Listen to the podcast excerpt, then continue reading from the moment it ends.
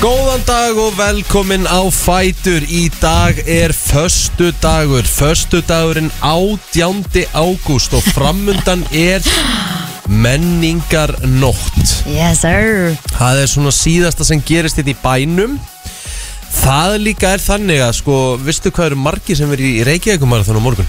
Það er Herðu, met m- Já, meðan við það að það eru uppselt í einhverja vegalengdir Já, Þá er þetta verður þetta crazy 11.000 hlauparar Wow sem eru ræstir á morgun Það er svakalegt Ég er bara, ég Þetta man er ekki eftir magn. öðru eins sko Nei, mitt En uh, margir sem eru náttúrulega með frábæra áheiti Já, Og eru búin já, já. að ná alveg geggjum upphæðum Þannig að, hérna, að það verða mörg góðgerafélag sem að fá hérna, eitthvað eftir helgina Það verður sem er bara geggjað. mjög flott Já, þetta er bara þetta er, eh, mjög flott framtak og voru gaman að fylgjast með öllu þessu fólki hlaupa Ég er náttúrulega hérna, býja á þeim stað þar sem þetta, bara, þetta fer ringin í kringum Seltjarnanesið Eh, Já, hlaupið. já, já, auðvitað, já Þannig að hérna, maður alltaf sér að allt þetta liðir hlaupa og, og, og fylgst, getur fylgst með og maður eiginlega kemst ekki af nýja aftur tilbaka sko nesinu á okkurum tíma Ég veit það þannig að hérna, en þetta er bara stemming mist það skemmtilegt, þetta er einu sinna ári og maður getur ekki duðað yfir þessu Ég hérna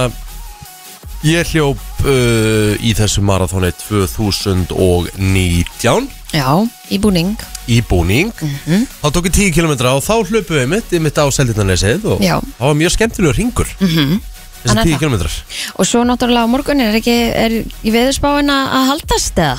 Sko, það er, það er mildt og gott viður, Já. segjum það En þessi Já, sól sólin sem, er sem átti farin. að vera, hún er farin Já, já, tveir metrar á sekund og Já, ég 13 meina, gráður, það- það er- það það er er- bara ekkert þetta kvart Það við er því ekkert þetta, ég veist, ég bara Ég held að hafa verið í fyrra þar sem að einmitt það var smá sól en það var sko háfaðarók Já. og maður sá bara fólki með vindin í fangið það fór ekki úr stað sko Nei en það á að, á að hérna glitt eitthvað aðeins í hana hana í kringum klukkan tvö uh Uh-huh. -huh. en meða við það að það ég bara að vera hana 2-3-4 metrar á sekund þá bara tekum maður því Ég menna, það er ekkert að þessu veðri, sko og margir sem segja að það sé miklu betra að bæði ganga og, og hlaupa í, í hérna, skíðu frekar heldur en sólinni þannig að ég held að þetta sé bara fullkomið hlaupa við þér Og það er ekki mikið að kvarti við þessu Nei, Það er hérna, það er, það er helviti ósangert og svo verður í coverin dagurinn bara frábæra því að það er líka spáð sól þá Nókala þannig að við erum bara í toppmálum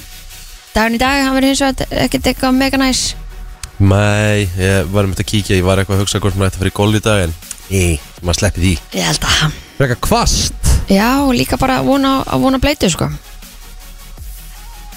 Já, það er rigning eitthvað fram fyrir, fyrir hátegi og svo hérna Seinnipartin líka mm Mhm. -hmm. Þreytt maður Blika spáir endar ennþá e, sól allan daginn á morgun uh -huh.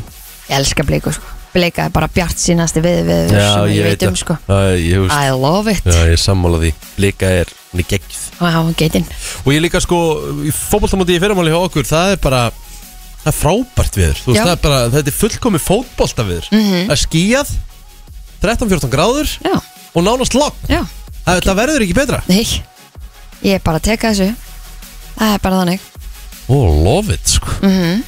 Hvernig, Hvað gerir þú ger? Herðu, ég eh, hvað gerði ég í gæri? Ábar spurning hjá okkur sín Já uh,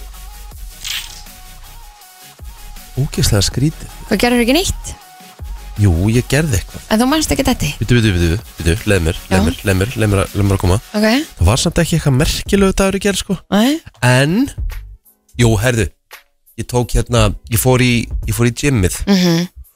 Og ég tók lappir í fyrsta skipti í svona tvo mánuði Þetta með halsbjör Nei, þú labbaði nú eðlilega en Já, ég grein. lappaði eðla en ég er að drepa samt sko Aha Já Ég bara finn svona ótrúlega svona Þú veist, það má ekki koma við aftan í læri hjá mér þá svona, ó, Verður erfitt að fara klófst í dag já, þetta er svona þannig, sko. Þetta er ógeðslega skrítið. Á, stemming Þegar maður er ekki búin að fara lengi, mm þegar maður fær strengila, sko. Já, það er gott sko, þetta er gott vond Ég veit það. Þannig að Herðu, já, svo fór ég hérna á tælenska stað og náðu mér í svona takeaway Mhm. Ég fekk mér hérna K-Pat sem eru svona steikt hrísgrón Mm. nema þeir, þeir voru með eitthvað nýtt á seðlinum K-Pat í rauðu karri Mm. Hmm. Ok, Það voru þetta steikt í rauðu karri og hérna með kjúkling næs nice. Herðu, og þetta var vel spicy Já, Mm. og hérna ég er ekki að grínast, ég var eitthvað pínu stíplaður í gær og því Já. ég var búið með þetta Allt varðið það var allt farið ah, ok, ég var bara, "Hö, hö, ég er ekki stíplaður lengur ég veit það Varu bara að fara að spæsi matinn og gufu og það fer þetta allt saman shit, Já, það var helviti gott maður mm. svo bara hérna tók maður hérna uh, við erum að horfa á þætti núna Júlur og gömul við erum að horfa á þætti á rúf, eða þeir eru á rúffrelsi oh, og þetta eru þættir sem að heita guild ok eða bara sekir mm -hmm. og þetta eru um tvo bræður þetta eru svona gaman spennu þættir Ok, við tókum bara, þetta eru bara fjóri þættir búum við fyrstu tvo þeir eru bara helvíti góðir ok og það geta allir horta á þetta sko Og býtu, um hvað er þetta? Er þeir, er þeir hérna sagaðir um eitthvað sem þeir gerði já, ekki? já, eða- sko, sko ég skal bara, þú veist, ég skal bara fara yfir þetta á þess að spoila neinu þetta er bara það sem stendur á þegar þú horfir á á hérna, eða þú ferð í áfrelsið þetta er það sem þátturinn, eða segir hvað þátturinn er um þetta eru þess að tveir bræður Mhm. sem er ekkert í svakalega góðu sambandi Ok, en eru á leiðinni heim báður tveir uh, eftir eitthvað gleðskap uh, annar bróðurinn er ríkur hann situr í farþegasætun á sínum bíl uh og hinn bróðurinn sem er svona, þú veist er þetta danst eða? nei, nei, nei, þetta er brest, þetta Ah. Já. er breski sakamála þættir Ok, og hérna, já hérna og, þe- og, og hann er í rauninni svona skakkur, þú veist, hæ ah. þeir keira á aðila op, op, op. og þeir eru Já. síðan að covera það upp Keira óvart á gamla mann já, með þeim afleggingum að hann deyr já nema þeir reyna að covera það upp Mhm. en svo kemur að því að fjölskyldan hans fyrir að efast um hvað hérna, Hafi komið hvernig fyrir hann. andlátið er bara að garði, Já Því þeir reyna að covera að þeir hafi kert á hann sko Og þá fara málin að flækjast Þá faraði sko að flækjast og það var sko orðið alvöru flækjaðan í, í hérna öðrum þætti í gær Já, þetta er bara fjóru þættir Þetta eru bara fjóru þættir Mhm. Þannig að við bara, við tökum svo bara setni, setni tvo í dag Ég fíla nefnilega svona Þetta er bara svona mínise, eða þú veist, þetta er bara svona Mhm. Og hérna Já, ég ætla bara að gefa því, þú veist Það komur á óvart að, hérna Ég hef stundum bara Og ég segi hvað gefur okkur alltaf tips Já. Varandi þetta Hvað? Það er tengdamamma mm. Hún er, horfir rosalega mikið á svona þættarúf Já, Og hún svona, veit alveg hvað ég og Valdís fílum já, Hún gefur okkur síðan svona tips ég er að tjekka á þessu og þetta er bara helvíti skemmtilegt og Já. breytandir eru bara helviti góður í þessu Já, þættir gerast í Edinborg og þú veist breski húmorinn og það því þetta eru svona þetta er gaman spenna mm og maður mað hlær líka sko já, þeir eru bara svona í hverju þeir lenda bara svona jésus mér á ég trúi þessu úff Ég líka, eins og þú segir, þetta er mínisýri Þetta er bara fjóru þættir og þetta, þetta er ekki Þú ert ekki að koma inn í eitthvað sem að er Þú veist, 17 þættir nei, nei, nei, nei, nei, þú veist þetta er bara, þetta er bara illa, illa næs Mm. ég meina þú veist bara kemur bara og, og, og svo ertu bara búinn á tveim dögum Emmett. Svo til í þetta Þetta, þetta hljóma mjög vel hvað gerðið þú í ger? Herðu, ég uh, var hérna til 5 Mm, Þá fór ég til hennar öddu Að hitta öddu og Úllu litlu mm -hmm, Og þar bara eh, satt ég til hálf átta eða eitthvað og, nice. Já, bara skoða baby og tala um kúk og, mm, og hvernig, hvernig þetta gengur allt saman mm -hmm. Já.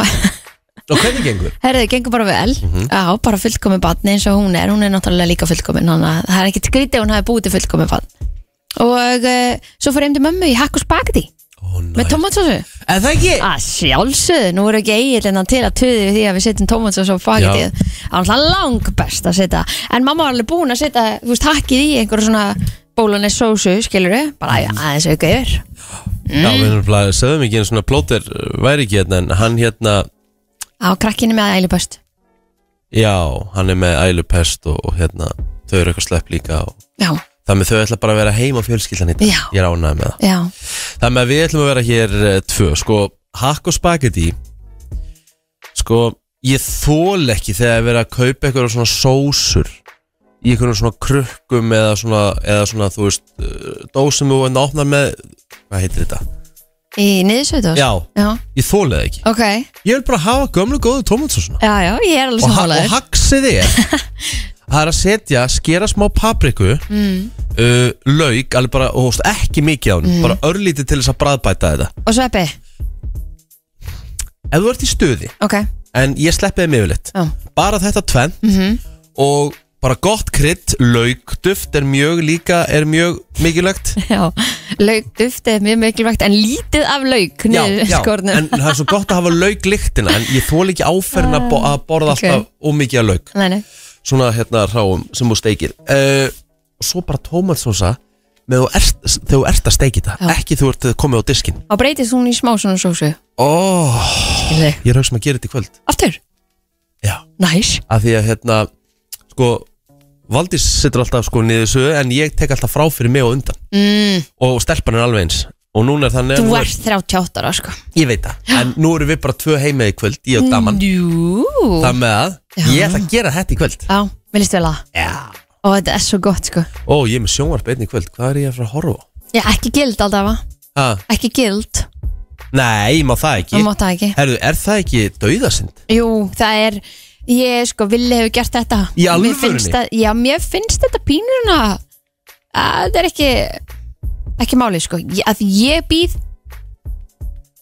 Sko, ég held bara að sveimi þá ef, ef, þú veist, fólk eða par og ykkur, ef ykkur horfir á undan Já. og segir, herru, ég læti vita hvað er búið að gerast er þetta það ekki banna? það er, Þetta er dauðasind Já, því þú veist, hvernig er ég svo að horfa? Og hvað, ef þú svo mætast í fymta þætti? Sko, það hefur komið fyrir, ég held að það slæti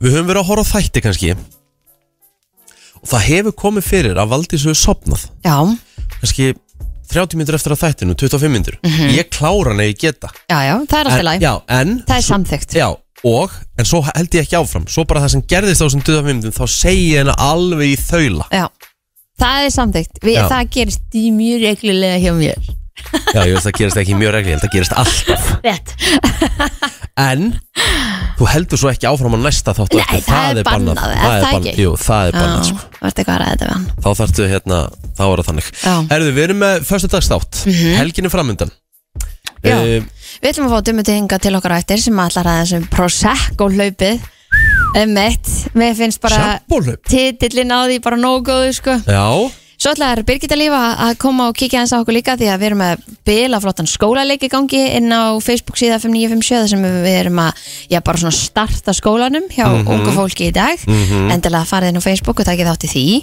og e, svo ætlum við að fá hana byrtu, það er eiginlega neyðar byrtu te í dag já, er það grínast það er alltaf að fara í skrúna með Britney sko. þannig að, hérna, að við þurfum aðeins að ræða það og ég sendi ykkur TikTok í gera sem að var verið að útskýra það hvað hann er bara að reyna að fá cash Já, hann er að reyna að klekkja á henni já, hann er að reyna það Já og við erum ekki að fíla það Allir pappina Brittany sé að gæðin sem er skellilegandi núna nei, þú vilt ekki það eitthvað slæmt komið fyrir bann, þetta trúi ég ekki ég held að, að því þau hittist á meðan hún var undir hann að conservatorship mm. Hún er þessi maður já, Já, hvort að hann hafi bara verið svona fengin í þetta skilur og svo er hann núna bara eitthvað ég get þetta ekki uh, Þú veist, hann hafi ekkert verið skotin í henni, hann hafi bara verið Úff. Veit ekki, fengin í hlutverkið eða Þú veist, Elsku stelpan Já, maður vorkennir henni já, ég bara finn rosa mikið til Já, Það er bara engin einlægur í kringum hana Þannig að við þurfum að fá byrtu aðeins til að ræða þetta varð hún sko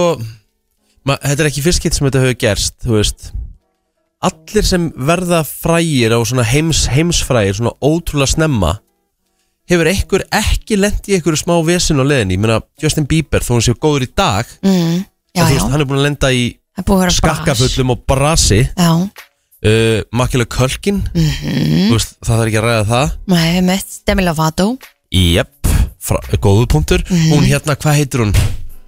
Sem hérna eh, Hún er bara farið út af hérna bara, eh, bara farið út af eh, hérna, bara svona eh, geð, eh, hvað, hvað, hvað, hvað Já, já, já, já, já, já. Þú veist hvernig ég er Eh, að Amanda Bynes Já, Já, Hún? akkurat mm hún hérna var mjög hún var heimsfræg mjög snemma Já, Fleiri, Aaron Carter Aron Carter Mhm. mm, Það er alveg eh, hægt að, að týna, týna til sko Heldur betur Þannig að hérna, að þetta hefur verið brasja með mörgum úr sem mikið másklöpp hana.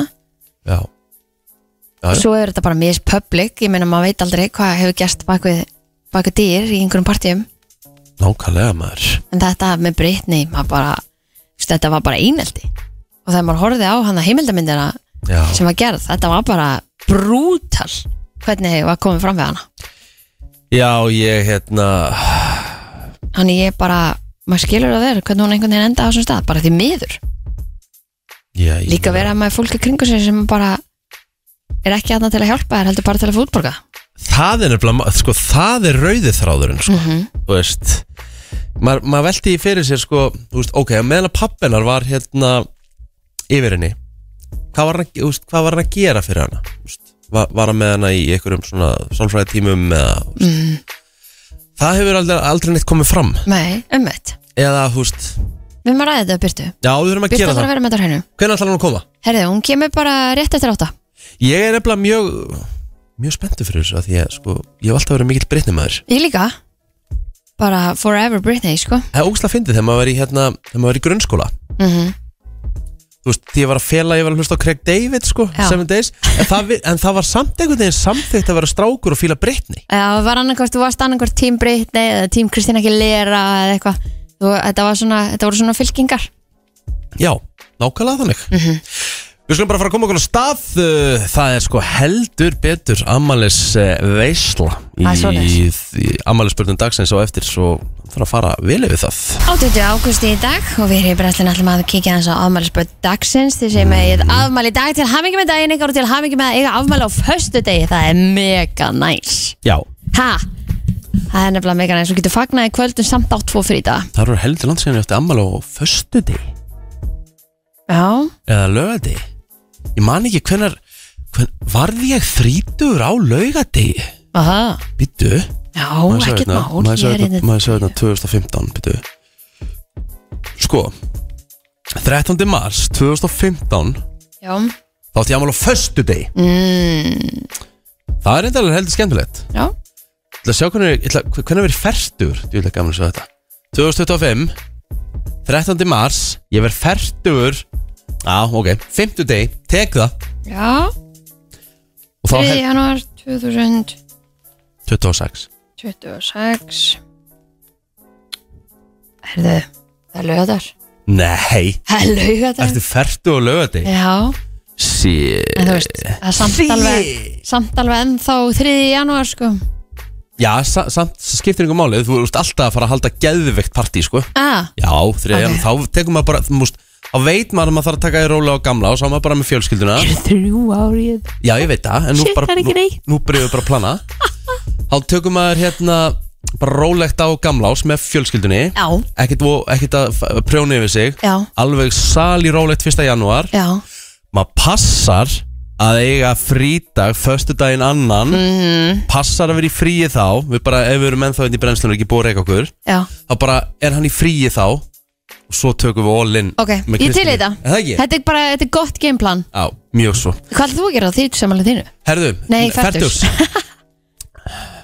Að öllum líkindum Kristnirud verður þú á Tenerife I Uh, love it Take ég, ég ætla örgulega að leia svona eins og uh, gilvi gerði því Já, og hérna bara bjóða í veislum og fólk ræður bara hvort það fljú út eða ekki henn negla Já, Og þetta er líka geggja tími til að fara frábær tími Þannig að þá ætla ég bara og ég myndi bara haldi þetta á deginum sjálfum Já, geðveikt, ég meina það er alltaf í frí Það það er skiptir hvort engu þeir máli ekki- hvað já, dag þetta Það er Ah. er allir lögat, þú veist, það er allir dag lögat Ammett Já, við erum bara með hérna Taka DJ set sjálfur og Já, ég hugsa einhverju myndir nú fljú út sem geti gert það Eða þú verður að taka 20 myndir sjálfur Já, já, Ammalsbarni Já. Verða bara eins og tjast og bara það er hérna, það er draumur minn Geðveikt ég, hérna- Ekki láta þetta bara vera draum Nei, ég skal bara láta vera veruleik Já, Það er bara nákvæmlega þannig þetta er negla Já Herðu, ef við förum síðan í The Less Important People mm -hmm. Kristján Sleiter á ammali dag Já 54 ára mm -hmm. eh, Edward Norton sem er leðis Þeir eru jafn gamlir Báði fætti 69 Já er hann, er, Hvað er hann búin að gera síðan bara Fight Club? Frábær Emmett, það hefur ekki farið mikið fyrir honum Bær punktur Að það? Nei Nei, emmett Þessi tveir eru allavega Edvard annars svona- Norton, hvað er Edvard Norton byttu illa? Ég, ver- sorry, ég verð bara að googla það Já, ok, þú mást ekki eins og hvernig er það Jú, ég veit hver Edvard Norton er. ég, man bara, ég, ég held bara að það sé búið að fara svo ógislega lítið fyrir honum bara Mhm. eftir úst, hann var náttúrulega frábær í Fight Club en Já. hann er betri í annar mynd sem er hún heitir Mhm. Primal Fear og hann er líka betri í annar mynd American History X Já, hann var svakalega þar Ég meina, þú veist, Rétt. hann var bara heitasti gæin late, late 90s var þetta bara einn vinsalasti leikarinn í heiminum Mhm. En í dag, maður sjá En í dag er gæin bara ekki að gera nánast nokkuð skapaðan hlut mm. Sjá Það sjá þetta Er það nokkuð? Nei, Nei. allavega ekkert svona sem hægt er að tala um Nei Svo er það Robert Redford mm. Hann var líka afmæli í dag uh, Hann er getna af uh, þeim sem að kom hérna Sundance Film Festival á lakinnar Mm -hmm. Hann er bæði leikari og, og hérna leikstjóri Mm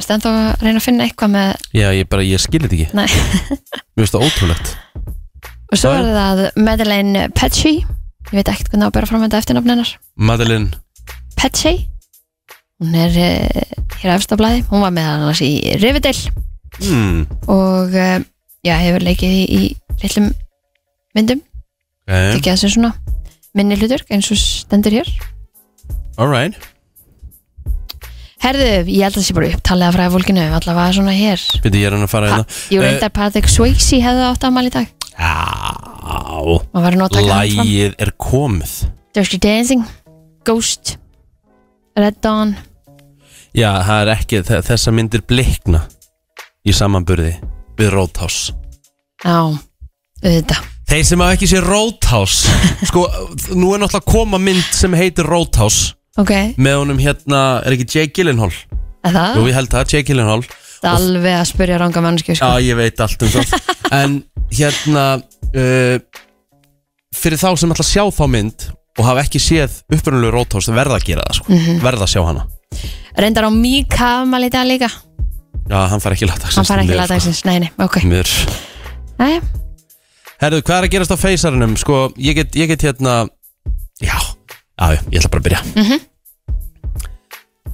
Einn af allra bestu mönnum Suðurlands Maðurinn sem Suðurland treystir á Maðurinn sem hefur gert Suðurland að því sem það er Maðurinn sem, já, stóran þátt í, í, í bara öllu mannlífinu sem er á Suðurlandu og á Selfossi Nýju miðbærin og þar fram eftir götunum Tommy Cruise, Wow. Tómas Þórótsson 52 ára gamall í dag að eh, öllum líkindum sennilega mesti toppmaður sem finnst á Íslandi ég hef búin að þekkja hann í mörg ár ég hef aldrei séð Tomma í vondu skapi stórt og ég hef aldrei á öllum því, og maður nú tekið nokkur djömmin og, og, og nokkur skröllin með Tomma Mhm. hann hefur aldrei sagt nei við einhverjum sem maður er að segja við hann og hvað við gera, þetta er jákvæðast að gæja í heimi Geggjað. Já, það er ekki, við ekki bara að prófa það Þetta er bara mest í jámaður sem þú finnur Já, hann, það er, gerir alltaf gaman í honum hann er bara tilbúin til þess að prófa allt Já, geggja Það er mjög góður eiginlega að hafa Já, svo lengi sem það er gaman Akkurat Já, Eitthvað, eh, já Snorri Arnar Viðarsson einn af kongunum í breyðabliki 46 ára gamall í dag eh, Ásker Ellensson fyrir um kollegi okkar, hann er 35 ára gamall í dag hann er núna hjá hvað landtilskjæslinni Já upplýsingastjórið þar, það er upplýsingafulltrúi þá var ég búinn Herðu, hún Andra Ída, hún á amal í dag e, Bjarni Jónsson sem leiðis og Jón Ágúst Arnórsson Það var það upptalið á mínu Facebooki Það var það bara sagan Sagan, hvað hérna Herðu, leikupurinn Vestuport var stopnaður á þessum degi árið 2001 sem betur fer því að Vesturport gaf okkur verbúðuna til að mynda mm -hmm.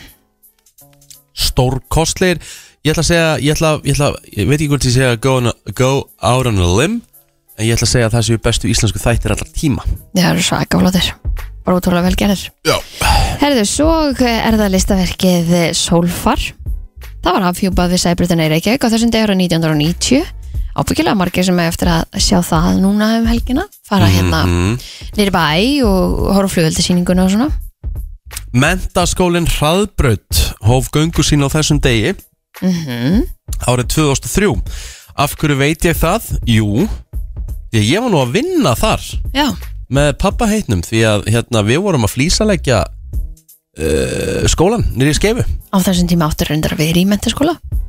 af vísu en ég þurfti að ná mér í cash Jú, jú. og hérna gerði það Já, ég man eftir að því að ég var í kvenna á þessum tíma og ég hugsaði mér bara, oh, djúvill öfund að þetta fólk að vera búin á þremur árum í staðan fyrir fjórum og... En er ekki allir skóla komnir í þrjú ár núna? ég held það Mhm. mm, Hann er reyndar ekki til enda í dag Nei, Þessi skóli. hann heitir, heitir hann ekki eitthvað annað Er hann til? uh, Jú, Nei. er það ekki Nei, þetta ekki Hmm. hann heit, Ég held að hann heiti bara eitthvað öðru nafni Ekki hraðbraut heldur uh, Eitthvað annað Já, please Herðu, 1996 menninganótt var haldin í fyrsta sinn í Reykjavík Já. Þannig að þetta er komið ágæti sögu Heldur betur Og Eh, fleira sem þú vilt taka fram Nei, ekkert sem ég allavega er að, að horfa hér á sko Nei, Vá, menningan átt búin að vera síðan 96 Mhm. Shit ömmið Grasagarinn í Reykjavík og formúla opnar þessum dagur 1961 Já Konur í bandaríkjunum fengu kostningarétt eh, 1920 Já, Voru við ekki á undan? Eða hvað, voru við á eftir kannski? það var hann á sveipum tíma að byggja bara Mögulega Herru, ég heldur séum bara búin að tæma okkur Yes, sir. Eh, Kíkjum aðeins á yfirleitt frétta eftir smá Og eh, svo fyrir að stýttast í fyrstu gesti dagsins Já, við ætlum að kíkja aðeins á yfirleitt eh, frétta Nú, eh, lögreglan á höfuborgarsæðinu Fekk tilkynningu í gerkvöldi Um allsbera mannesku í breiðholtinu Ha, Í gær áhugavert Segðu mig meira Já, allsber bara Og þetta var um hábjartan dag Ha, Já, ok En sanga tilkynningu lauruglunar þá var hún farið á spítala vegna nótkunar á fíknefnum mm. Þannig að eh, Æ, æ, hefur bara þurft viðjandi aðstóð Eh, Þá var tilkynntu líkamsárás, það var húsbrot, það voru skemdaverk á hopplaupa hjólum eh, og þetta var allt í breiðoltinu. Í miðborginni var tilkynntu manneskju sem var til leiðinda og var vistuð í fangaklefa, það var, geng, nei, það var kerta á gangandi vegfaranda en eh, svona ekkit eh, alvarlegir áarkar. Eh, Í múlunum þá var manneskja með hníf á lofti og bara veifið ykkur um köta og e, þegar lörgla mætt á svæðið þá fann hún sem sagt þessa mannesku en engin hnífur eða kuti nálagt sagði manneskjan að hún hafði ekkert verið með slíkt nú, hvort að það hefði verið eitthvað ykkur sem hefði ekki séð ég minn eini það veit ég ekki alveg e, svo voru ykkur skemdaverk í gardabænum og búið að mölu upp liklaboks e, eitt umferðaslis en e, engin e, alvarleg slis á fólki e, þar Það er nú gott og svo bara sofandi manneskja í hafnafyrði Já, hérna- bara svona úti eða? Já, Já. og eh, Ég meina, maður- stundum bara kemur þetta fyrir Hey, maður þurfur bara að leggja Veitu sig hvað er gott að sofa í náttúrunni Já, Ég meina, ég er ekki að grínast Við fórum hérna í, súrefni og verslótt við fórum í hveragerði Því ég var búin að vera með nýrnasteinin mm. Og vorum við hérna í, í hérna Vorum við í, hvað heitir þetta? Bleð Vorum við í Útilefu? Já, Jésús aha, Og ég var bara svona búinn Við fórum á okkur svona hil Það sem hægt var að hoppa Herðu, og ég og vorum bara svona teppi á grasinu Ég sopnaði í klukkutíma næs Og það var fullt að látum í kringum mig En ég bara steinsvaf Algjörlega Í góða búin að- veðrinu Já, þetta er Og það- notalegt Og það var bara notalegt Það er óbyggjulegt að gera þetta í hverja gera melgina á blómstrandi dögum. mm. Herðu, Íslendingar hafa aldrei verið neikvæðar í garð elrenda ferðamanna og nú samkant nýri könnun maskinu. En framkvæmdastjóri samtaka ferðarþjónustunar segir að þessu berið að taka alvarlega en að niðurstöðuna komi ekki á óvart í ljósi mikillar fjölgunar ferðamanna.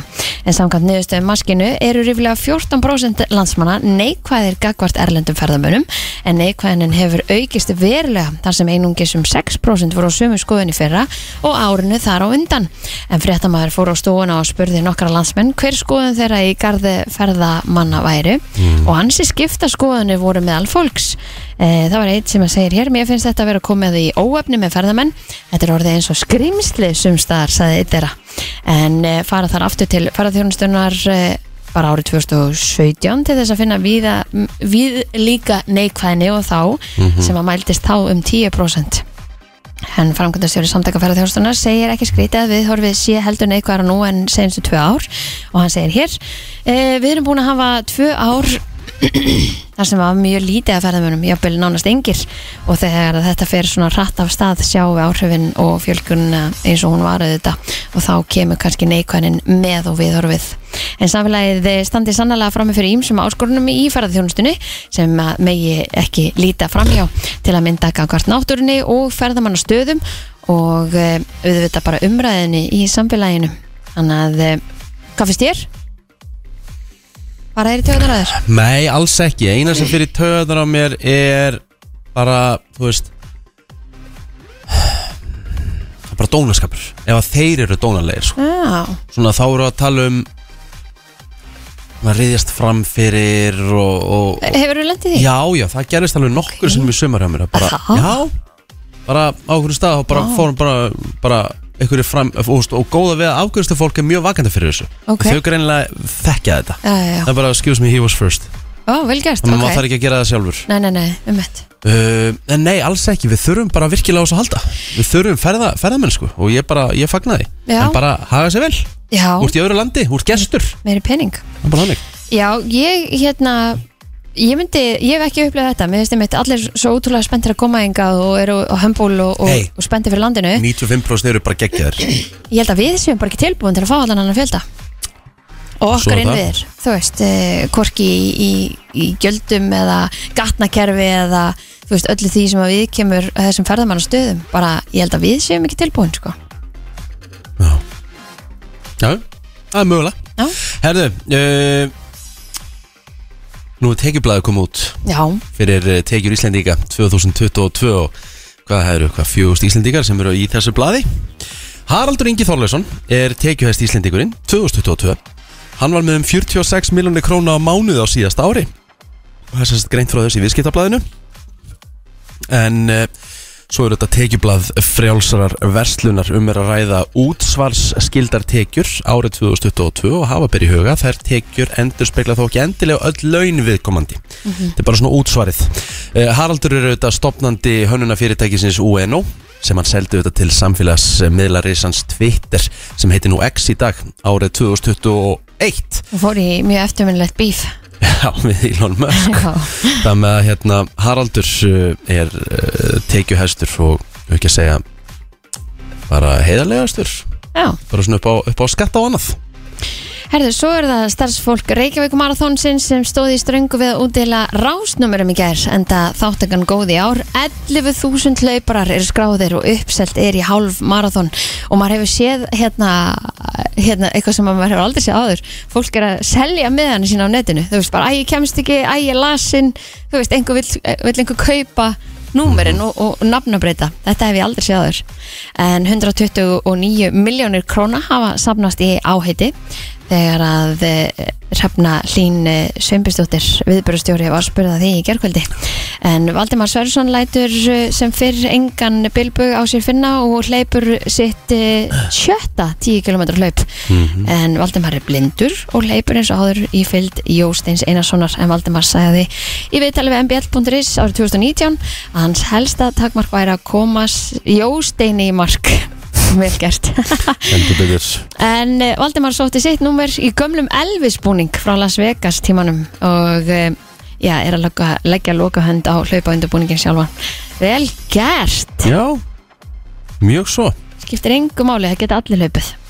Herðu, í- Íþróttar ásir stöðvar 2 Sport, fjórar beinar útsendingar sem verða þar í kvöld, eh, klukkan 18 á stöðu Sport. Eh, Þá verður sínt frá því þegar verður dreigið í úrvalstendin í pílukasti. Píla er að verða heldur betur vinsælt eh, hér á Íslandi. Eh, Og svo er það Leeds Vestbrómits Albion í ennsku úrvalstildin í kvöld klukkan 18.50 á Vodafone Sport. Já, við höfum ekki lagð eh, langt suður í hafi veldur auslægum vindum á landinu sem staðar allkvæsum og kviðóttum síðst fram á morgun en annars má reikna með dálítið rigningu að súlt í dag hvassast síðst en yfirleitt bjartar á þurft norðan heiða. Eh, Það mun svo rofa til víða í nótt, hiti verður yfirleitt á bylunu til 12 til 21 stig í dag. Hlýjast norðaustanlands en í hulöðungu viðfræng segir að vegna hvassverið sinn síðst á landinu sé í gildi aðtjóðsendu frá viðfrængum að eh, þeir sem að eh, ætla að fara með aukutæki sín um, já, einhverstaðar í kringum Eyjafjöllin, Myrdal og Örufum ættu að eh, fylgjast vel með veðri því að eh, það getur verið hættulegt fyrir aukutæki sem að taka í sig mikinn vind uh, Veðrið svo á uh, morgun á gesti og hlaupara uh, fyrir menninganætur borgarinnar gleðina þar, þeir ættu bara að vera glaði með veðrið því að það oftar að leika við gestina Þannig að eh, alltaf eh, 20 stig þegar er best á lætur á morgun. Ég þarf líka að eh, leiðra þetta með hans Það var smá skamhlaup en það þarf að fyrir ekki að mér klukkan er hjá átta Mm. En Leeds United eru þetta ekki enn skúrúlastældinni Leeds Nei. United eru þetta fjall á síðast tímbili þetta er sem sagt beinútsending frá uh, ennsku Champions-dildinni Mm. sem er sem sagt ennska B-dildin þannig að þetta er risaslagur þar, ég ætla að þakka höfðingjanum fyrir hann uh, hefur oft vitið fyrir mér Maðurinn er á tánum, Já, alltaf Kristján Óli minn, hann uh, sér til þess stundum að ég líti vel út uh, Sér líka stundum til þess að ég líti ill út Ofta þannig reyndar Æ, Það æ, eru æ. förmulega dagsins eftir smá Klukkan vantar 8 mínútur í 8 og uh, fyrstu gesti dagsins eru komnir eh, til okkar Kristín og við erum að fara að tala um hlaup Já, Nei, við erum ekki að fara að tala um reykjaugumann Við erum að fara Nei. að tala um þó það séu þetta skemmtilegt Já. en Það bliknar í samanburði við, við þetta hlaup sem er að fara á stað þetta er svona hlaup sem að fær mér miklu betur heldur en Reykjavík um orðunni Mér líka í rauninni sko Því að ég er hérna Ég er mikill hérna Ég hef gaman að ég að fá mér ískalt prosecco á Er það góðum ekki? sumardegi Ummitt Og það þetta á svolítið vel við því að Prosecco-hlaupið er næsta þriðudag og þær eru komnar hinga til okkar Birna Jónsdóttir og Rakel Jónsdóttir vel velkomnar Takk fyrir. og í sumardressi eins og maður á að mæta í hlaupið eða ekki Að sjálfsögð. Já, Hver, segja okkur hans frá þessu hlaupi hvernig, hvernig virkar Árlega sumarkjól og freyðivínslaup Ah. Akkurat. Hvernig kemur þessi hugmynd til? Og ég spurði, er þetta í fyrsta skipti? Nei, þetta er þriði árið Já, akkurat. Hvernig kviknar svona hugmynd? Það var, við, við sátum saman nágrannanir hérna Við búum í Árbænum sem er besta hverfið í Reykjavík eða- Samála því ég er Já, uppalenar einmitt að okkar mati allavega Og hérna, okkur fannst bara oft svona skemmtileg laupi sem það byrja nú hérna Við svo vorum eitthvað svona bara að hugsa bara, ó, var ekki skemmtilegt að hafa eitthvað svona sumarlaup og, og ætluðum að búa til bara hérna svona lítinn ívent fyrir vinnu og vandamenn eitt, hérna, eitthvað svona sumardag byggum til ívent og byggðum vinkonum okkar og svo vöknum við daginn eftir og þá áttum við okkur á því að við hefum búið til svona public event Ó, ég skil Ok, með fyrirsögninni kannski Prosecco og allir voru til Já, Já, og allir að koma í pottin. Já. Og Rakel á bara pott, þannig að við fáum ekki alveg fram Yeah. að það að koma, þá voru 200-300 mann sem voru búin að skrá sig. já, bara hérna strax daginn eftir og, Akkurat. og hérna, og þá einhvern veginn bara, þá bara, þetta var svona that escalated quickly Já, já, já. Þá hérna, já, og svo bara svo erum við að vinna með að bara halda þessu áfram og búa til svona hefð, skemmtilega hefð í hverfin okkar sem okkur við skemmtilegt og Og hver er hlaupaleiðin? Hún byrjar frá 11 stöð og er hérna upp fyrir gömlu brúna upp í Árbæ. Mhm. Já, og hérna framhjá Árbælu og svo aftur neyriðir. Já. Það drikkja stöð á meðri leið, svona Auðvitað. aðeins til þess að fríska sig upp. Næs já, já, já. og bara, þetta er 5 kilometrar Já. Það er eitthvað sem allir hafa við og það má náttúrulega lappa eða hlaupa eða hvernig sem er Þannig að þetta er kannski ekki endalega að hérna, tíma frekar heldur en kannski Sko, hvað hún náði mörgum glösum á það leiðinni. finnst eiginlega svolítið nóg af hlaupum sem er verið að taka tíma og allir í, hérna með púlsmæla og spandex og svo leiðist, þannig að okkur langa að búa til bara svona eitthvað allt annað Já.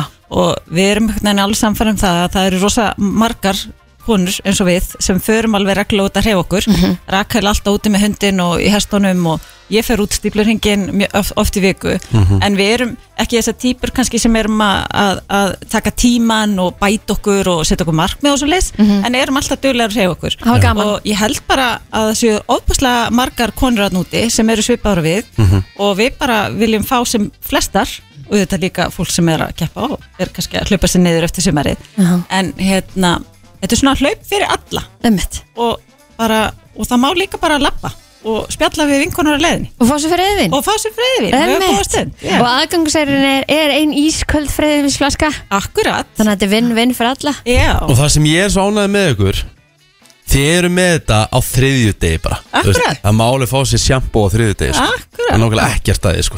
Eins og einhver sagði hérna áðan, hvað, fimmtudagarnir, nei, þriðudagarnir eru nýju fimmtudagarnir. já, akkurat sko, mér finnst líka magnað Hvað konsept eru búin að bú, búa til úr þessu Ég er, ég er, hérna á, ég er á íventinum 2300 manns responded Akkurat, getur ímyndað þér hvernig okkur leið þarna daginn eftir þegar hún var búin að fá okkur rauðvinsglas og vöknum daginn eftir og ég hljópi yfir í næsta hús og bara Rakel, hvað gerður hvernig fegstu mörg hundruð manns til þess að mæta í pottin tíð Þú veist, þetta var eiginlega þannig Vá Ah. Herru, svo að hlaupi loknu þá ætla ég að hendi í rútuferðir á mathöllinu og þar ætla ég að halda aðeins áfram Akkurat, þú verður trúbator og bara Gegn. stemmari sko Það er Ríkala, alveg- ríkala skemmtilegt Hvernig um flesta til þess að eh, mæta hver hérna, hvert getur og fyrir þá sem er ekki búin að sjá þetta hvert er hægt að fara til þess að hérna kynna sér þetta það er bara Facebook, það er eini staðurinn sem þetta er, það er bara Prosecco löpið 2023 og bara fara þar og sk- segja go, merkja sér going Mhm. og svo bara mæta þriði daginn svo bara mæta með,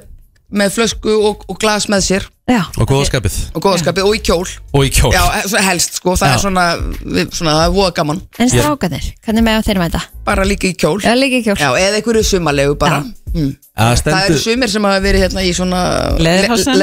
letterhosen Já, Ah, ok. Það Mm. er alveg fullt af strákum Já. Ég meina, Smæta. það er strákar í dag að fara að hlaupa í jakkafutum þannig að það er bara allt hægt Ah. Og dömur, veðrið leikur við ykkur á þriðudaginn sangat spáni Já, akkurat sem er mjög gott Já, því að í fyrra þá þurftum við að læra að lesa hérna, veðu þátt að spanna því að það var ekki jæft góð spáð í fyrra Það byrti til þegar hlaupi eh, byrjaði þannig að- nákvæmlega Mm. Já, já. Bir, Geggjað. Birna Jónsdóttir og Rakel Jóhansdóttir uh, hlaupa stjórar í árlega sumarkjól og freyðinvislaupinu uh, Kæra það ekki verið komin og gangi ykkur vel með hlaupið Takk, takk Takk fyrir Las hérna grein uh, þegar ég vaknaði í morgun áður en ég laði á stað uh, Á tójaranum þá að Já, á tójarnum er mitt Takk fyrir það En uh, greinin heitir Óréttlátt ef aðrir vinna miklu meir en þú ah, Mér fannst fyrirsögnin grípa með aðeins Já, Og ég ætla aðeins að lesa, lesa greinina uh, Þetta er nú vísi Það getur verið óréttlátt Gagvart samstarfsfólkin okkar Ef við erum gjörn á að sóa mikið tímanum í vinnunni Sem rannsóknir sína Þó að flestir gera í einhverju mæli daglega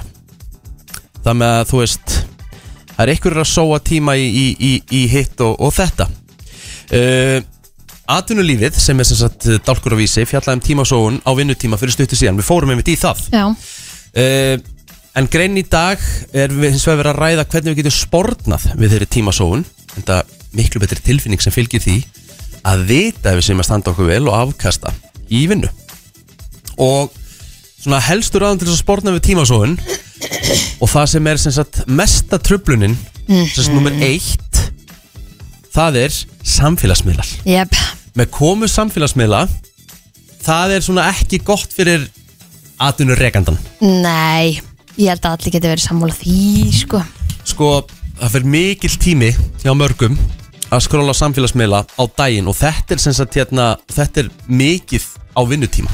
Já, en mér finnst alveg stór munur á því að vera, þú veist, að nota messengerin til að senda á Æ, samstagsfélag og ég, held að allt sé, þetta. ég held að það sé ekki verið að tala um hérna, hérna hefði verið að tala um uh, þegar Skrolla á plóter Instagram er að, pró, er að skróla á TikTok og Já. eitthvað svona sko.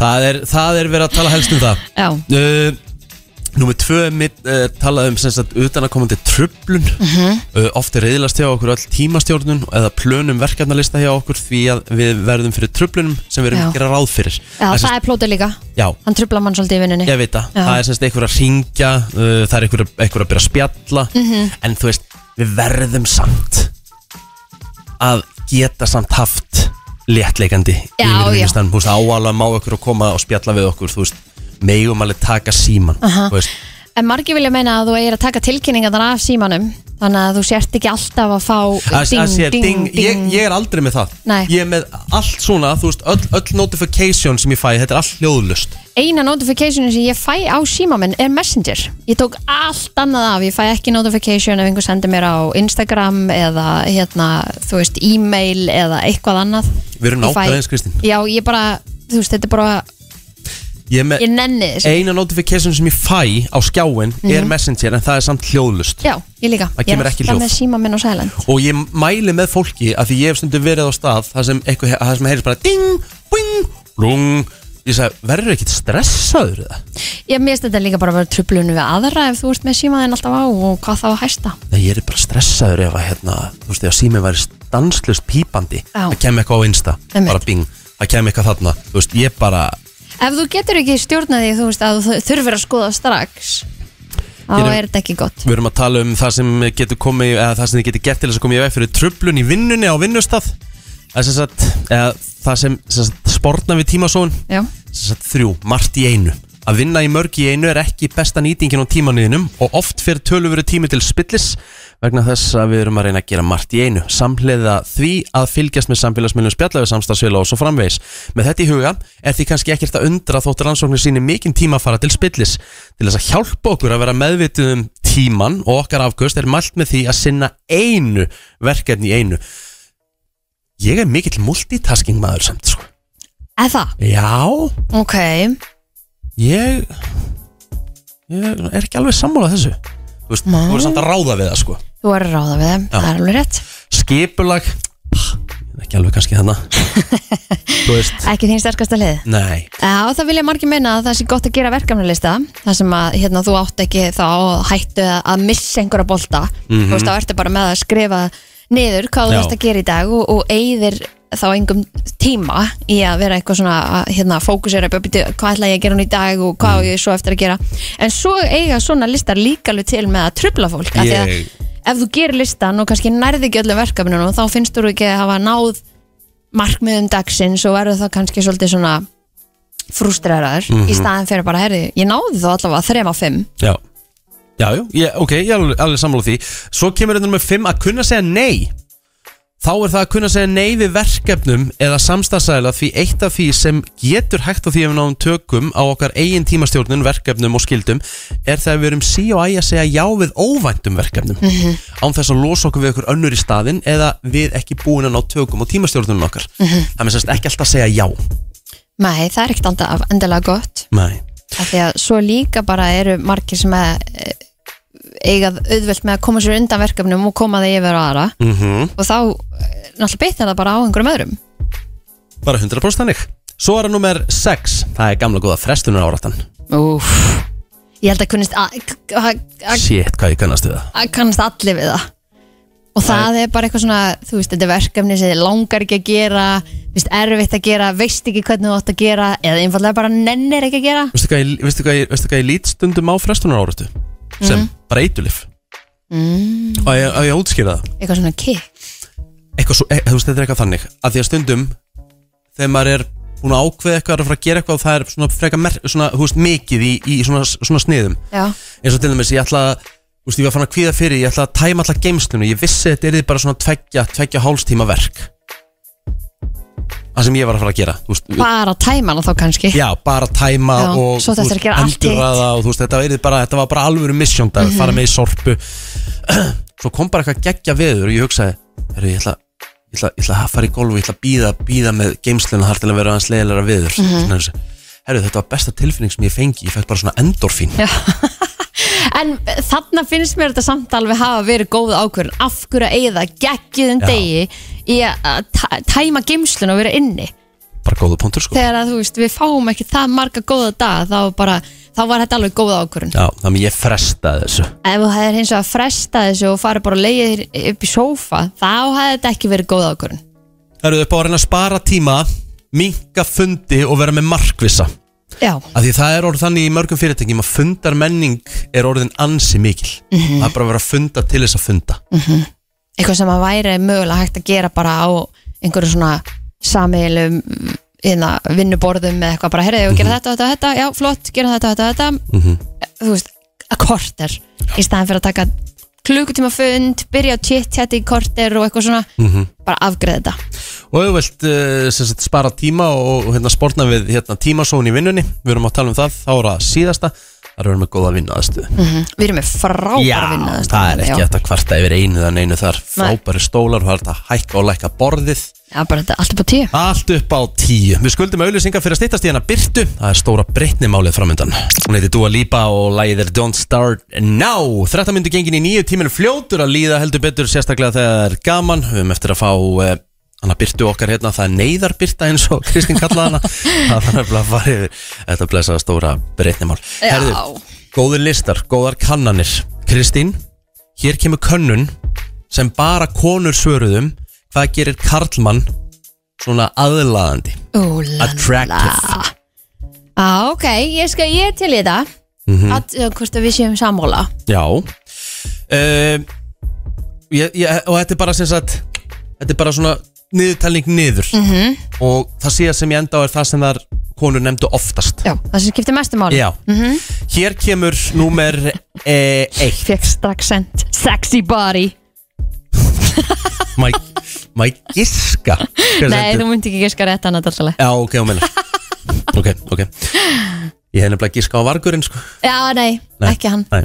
Eh, það sem var, sem sagt, þetta er 1, 2, 3, 4, 5, 6, 7 Þetta er topp 7 Mhm. Í sjöunda sæti yfir mikilvægasta sem gerir Karlmann aðlaðandi að mati kvenna í þessari kvennun Það er að taka sig ekki of Mhm. alvarlega mm. Karlmenn sem taka sig of alvarlega þeir eru ekki að gera konugraðar Já, þeir eru ekki ekki að koma græðar Herði, já, þú veist að ég ætla bara alveg að vera samlaðið þannig Það Mhm. er, þú veist, það á enginn að taka sig of hátílegan Þú veist, Mhm. að bara hafa gaman að lífinu og bara hafa gaman, það skiptir öllu máli hérna og það eru sögur af einhverjum konum sem svara og það sagði ein ég var á þriðja stefnumóti með manni sem mér hafði litist mjög vel á fyrstu tvö stefnumótin við vorum að fá okkur ís í brauði svona kóm Já. eða kón og það var eitthvað sem rakst í hann og hann fór með andlit í ísin og hann var svona allur út í ís í framann og Ok. ég byrjaði semst að hlæja, mér var svo fyndið Ég, þetta er bara skemmtilegt, já, en hann var bara pirraður Brjálaður, Já, brjálaður og sagðist bara að ætla að fara heim og fara í styrtu og eitthvað svona, hann sagði við fórum ekki á annað stefnum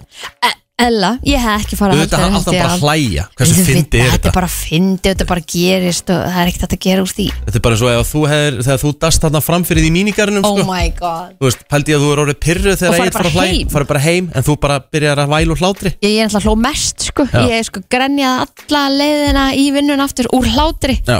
Af því að þú veist, þetta var bara Ég sett ekki hendurna fyrir hann fyrir mig Hvað, þú veist, hvað ætli sé að? ógeðslega fyndið Þetta sko. er ógeðslega fyndið Eruð í sjötta sæti uh, sjötti mikilvægasti faktorinn uh, hjá karlmönnum svo þau verði mest aðlæðandi fyrir konur samkvæmt þessari könnun það er bara be kind góðmennska Það er fyrir öllu það er Þegar- bara, þú veist, og ein kona svarar fór á stefnumót með manni sem hérna hjálpaði gamalli konu sem sagt, yfir um svona, sem sagt, renni, ekki renni svona, hvað heitir þetta? Já, bara svona ringkurð Ringkurð sem fer, já hún átti einhver erfileikum með það og hann hljóp og hjálpaði til Mhm. En var hann að gera for the show ég ætla að koma með það næst Já, eru við stundum að reyna að uh, þú þið veist, er eitthvað sem þið eruð ekki En haldið að við viljum ég málið það, einn vinur minn fór á stefnumót og hann er ekki svona upplægi Nei, og hann sagði mér að hann var að fara með eina stelpa á stefnumót og hann var að keira og þau komið fyrir fram hann þá sagði hann að býða að því hann opnaði fyrir hann að hurðina og henni fannst það bara geðut óþægilegt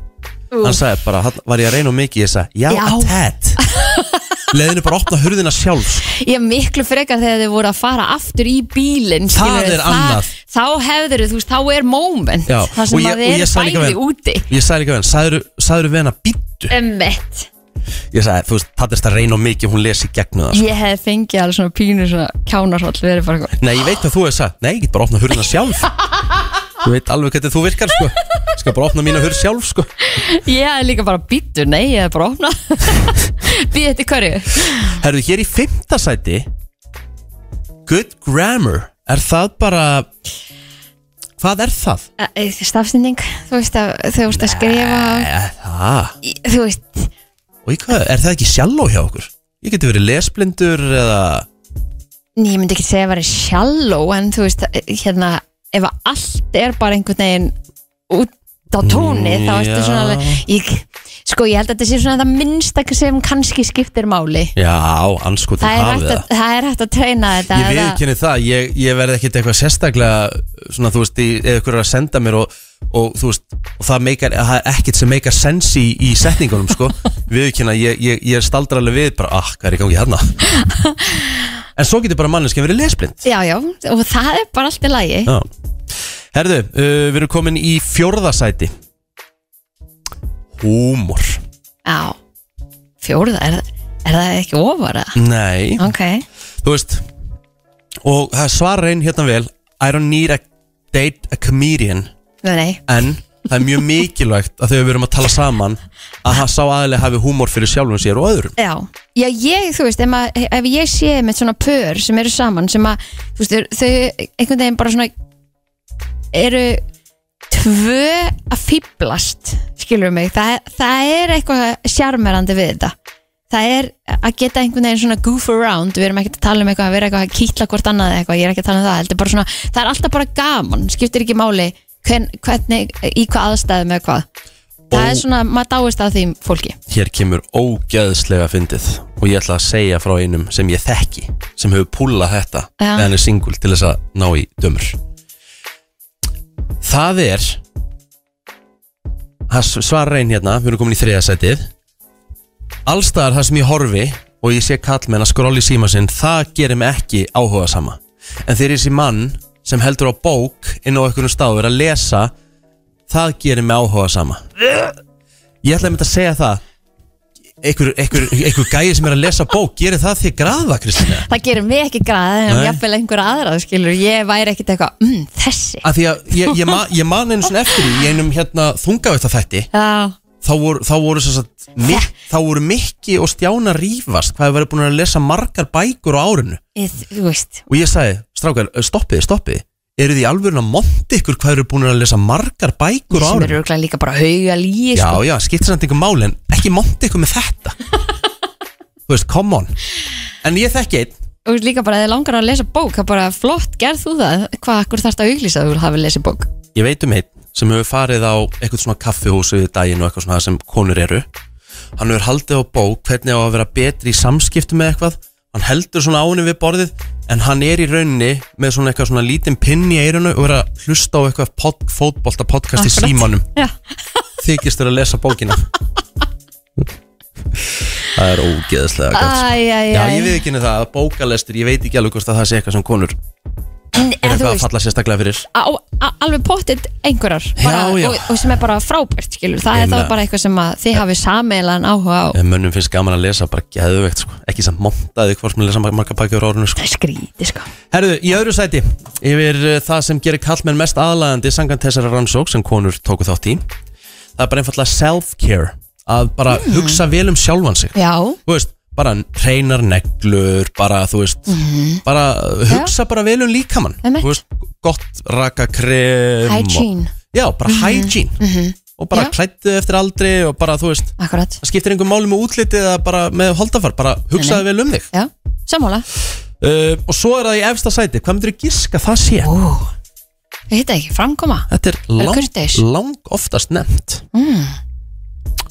Ég það hitta er ekki bara einfallega konur það sem gerur konur mest graðar samkvæmt þessum lista, við kallmenn það er bara einfallega sjálfströst Sjálfströst, ok Og þá er það ekki að vera svona obnoxious það er heldur Mhm. sérstaklega tekið fram don't be cocky bara, Já Það er rosa mikill munur þar á milli það er mjög mikill munur og það er eitthvað sem segir, það er svo mikil fín lína ég segi, nei, það er alls ekki fín lína Nei, þú veist, þú veist alveg hvernig þú ert cocky og leðilegur eða þú ert með sjálfströst jöp, það er hárétt Það er bara nákvæmlega þannig Herru, þetta var eh, léttur og góður listi og eh, vonandi kendan ykkur eitthvað drengir Brennslan Björn og Brósandi á föstu degi helginni framundan menningar, nótt og gleði, gleði Mhm. Mhm. Kristín, Já, við erum komið nýjan lið í And I brennsluna love it. sem við erum svona aðeins að testa Við höfum nú verið með hennar lið áður og ég sko, það, þú veist, fréttir vikunar er svolítið bítistæmið sko Mér langar bara að fara í hvað gerðist hvað gerðist Já, í vikunni? Já, það er bara hvað gerðist í vikunni og við erum búin að fá Held þetta þurfi trailer við trailerum þetta alltaf í drast sko, það er bara 100% Við erum búin að fá uh, góðan mann sem heitir Ólafur Björn Sverjesson, hann er fréttamaður á Vísi mm -hmm. og við stundum að lesa fréttir á Bilginu sumuleiðis uh, Vertu velkomin Ólafur Takk hérlega, gott að vera komin Já, hvað hérna, ef ég fæ að spyrja, hvað ertu gamal? Herri, ég er 23 ára, Já. verð 24 ára núna í óttúber Hvaðan kemur uh, áhugi á fréttamennsku? Er það eitthvað búið að blundi í lengi? eða? Úf, það er stórtið spurt, já, ég myndi segja það Ég var nú að framlega, sko, búlandsblæði Ég bjó í búlandi í fósauðunum og framlendi, framlendi það, sko, Er snemma býtu, býtu, býtu, er sér Búlands er sér blað í fósfóðum Já, þegar ég var 10 ára, það var það blæð Ah, ég skilði, ok já, já, já, Og var þetta bara sér fyrir þitt hús eða var þetta fyrir göttuna? Já, þetta var húsið, sko Þetta var ok, svona, ok, ef að ok. sýsti mér var að lendi í drama Þá kom það í fréttinar og, og Oh bróða lord minn fjall á prófi Þá fór það líka í fréttinar og svona Nei, ég segi svona, en Yes. En það var svona grunnpælingin sko Þa, þar, þar man ég allavega að ég, ég var farin eitthvað að- að dunda mig við blaðamessku sko. Já, ok Hvað hérna, hvernig verður hort mest upp til uh, svona þú veist, bæði bara í fréttamennsku og, og, og blaðamennsku? Já, herðu Þurfum að vita þetta allt sko Já, ég hérna Ég bara veit ekki alveg Ég sko hætti einhvern veginn að lítið upp til allra hérna á fyrststofunni þegar ég byrjaði þar þú veist, við, við ekki neitt sko, nei Nú er ég eftir að byrja Nei, þau eru öll frábær hann á, á hérna vísi Ég kannski veit samt ekki hver, hvernig ég myndi nefna sko Nei. Bara búa okkur svona eitthvað Já, emmitt Herru, við ætlum að fara, þetta er sem sagt nýri liður sem við erum svona aðeins að testa og við höfum Mhm. nú verið með þetta svona áður en, en þú veist, þú ert á FM, Ólafur Nákvæmlega sko, það En- er gott að vera komin af Því ég, hérna, ég var einhvern tíma sendur yfir á bylgjuna sko Já, Og hérna, þá var, þá var Reykjavík síðdeis að fara í gang og, og það vantaði, þú veist, það var einhver forföll Og, og Kristófur Helgason ringir, ringir yfir og hérna, er, er ekki hérna Blessaður Óla, verður þú, ég segi að þú ert búin að skrifa hérna um Boris Johnson Þá var hann að segja af sér sko já, Búin að skrifa einhver eina frétt um það Ertu ekki til í að kíkja yfir að hérna, Reykjavík síðdeis og aðeins að ræða þetta? Jú, jú, jú, ég get svo sem að gert það, ég meina sagt ykkur hvað er búið að gerast og svona. Svo fara þau að, svo fara þau að spyrja eitthvað svona hypothetical spurninga, eitthvað svona, þú veist, um bresk stjórnmál, skilur, hver veit eitthvað um bresk stjórnmál, meður en bara, þannig að ég fekk þessa spurninga bara, heyrðu, ok, segjum að íhaldsflokkurinn kjósi sér nýja leitt og verður það búið strax til kostninga eða eftir, eftir sex mánu, ég bara, Við nennum ekki Sko. þessum fréttum hér sko Sko, þetta er alltaf tvíækjasverð Þetta uh, viða pottu brotinu auðvitað hérna í afslokkum og, þú veist, Þannig tókst fram alla bylgi frasana Já, algjörlega, en, Já. en við getum orðað þannig að Kristóður Helgason hringdi ekki aftur í mig Á, Herðu, förum yfir hérna það sem gerist í vikunum Hvað var svona það helsta? Ok, sko, það, stærsta fréttamálið gerist í rauninni bara núna í gær Já. og það er, það er Dominos átt þjóðarinnar emmitt Er einhver þjóð sem borði jafn mikið að pítsum og við? Sko, þetta er náttúrulega ógislegt og það er rauninni ekki hægt að segja um það Það það liggur fyrir að, þú veist, þau þurft að loka þetta klukkan sjö af því að það- Já, þau gátt ekki fyrir- annað eftirspurn Á öðrum stöðum er þess að einstæðla sé þú veist að pepperónið hefur verið búið klón 5 á Akureyri og eitthvað svona þannig að það, Einmitt. þetta hefur verið kaos Já. Ég veldi fyrir mér Var þetta fyrirfram planað markaðstönd að það mynd allt klárast? Nei, ég held bara alls ekki Heldur ekki? Nei, ég held bara Heldurðu að ekki Íslendingar búist í séu að svona- Íslendingar séu svona sjúkir sko. Þetta er rugg sko. Og ég, hérna, ég reddi mitt við eitt sjónavott hérna í frétt á vísi sem segir eftirfærandi Ég held að ég hef aldrei séð jafnbuga starfsfólk Greinilega alveg hræðilegur dagur fyrir þau Ég man að þetta var oft erfitt í den Hún sem vann á Dominos þessi líka Já, En þau voru bara eins og draugarnir af sjálfu sér Þetta var hræðilegt, hræðilegur dagur Sögðu þau þegar ég spurði hvernig hafi gengið Þetta var ekki mjög ánægilegt Virðist að vera frekar illa skipulagt ah, En það voru bara einhverju uppvakningar í spönginni að búa til pítsu fyrir þessa feitustu þjóð Bara, já, er- erum við ekki, fe- ég veit það ekki Já, það er kannski eitthvað bull eh, við- Allt með að við höfðu til eru við Já, já, við- það er þannig, við sigurum þetta allt Já. En, eh, já, bara því að eh, það er mér alltaf ganga um gælu heilst í skóar, sko, það, það er alveg grannlegt við, sko Og ég hefði hugsað að þetta væri svo mikill svona röstdagur og ég, ég hefði haldið sem svona starfsmaður og maður bara ok, þetta verður geðveikt, það verður bara ógeðslega mikið að gera Nei, það þarf að gera eitthvað gott fyrir þetta starfsfólk heldig, sko Það Já. er bara, þú veist, bara Ég, Þeir ferðu ég, eitthvað. þegar ég sá á Twitter það var eitthvað sem setti screenshot að byggtímanum á einu stanum 220 mínútur Akkurat, Þetta eru næstu í fjórir tímar einmitt Ég held líka náttúrulega að sko það ko- þetta, allir bara klukkan 5 hvað við hafið matinn nú auðvitað Dominos, það pa- pöntuðu náttúrulega bara allir á sama tíma það er það sem hefur Já. verið erfiðast við þetta ábyggilega Einmitt, sko En Þú þeir- veist, ef það þeir- eru 27.000 pizzur sem að Já. fara út klukkan 5 eðlilega verður leng lengri tími Þau reyndar gáðu það út sko einmitt að að það hefði 25.000 pítsu seldar og svo fylgdi einhverju svona tilkynningu sem ég sé að viðskiptablaði pikkað upp Mm. Mm. að hérna fjórði hver Íslandingur hefði keft sér pítsu það, þessir útrýsningar standastand ekki alveg þeir hafa verið ennþá einhverju, einhverju pítsu þingu þarna Já, Já, nákvæmlega, En hérna- 25.000, hvað, var ekki 25.000 Jú, maður? tut- eða 25.000 pítsur sko þannig að Já. jafnvel hóttu við gefum það tvei degi leitni þá vorum við samt bara í 50.000 já, manns, sko. ég, ég meina ég fór í afmæliðina sama dag og það voru pantaðar 11 þangað sko þannig að þú veist, þetta er, Akkurat. þetta er eitthvað skakt Já. Herðu og meira?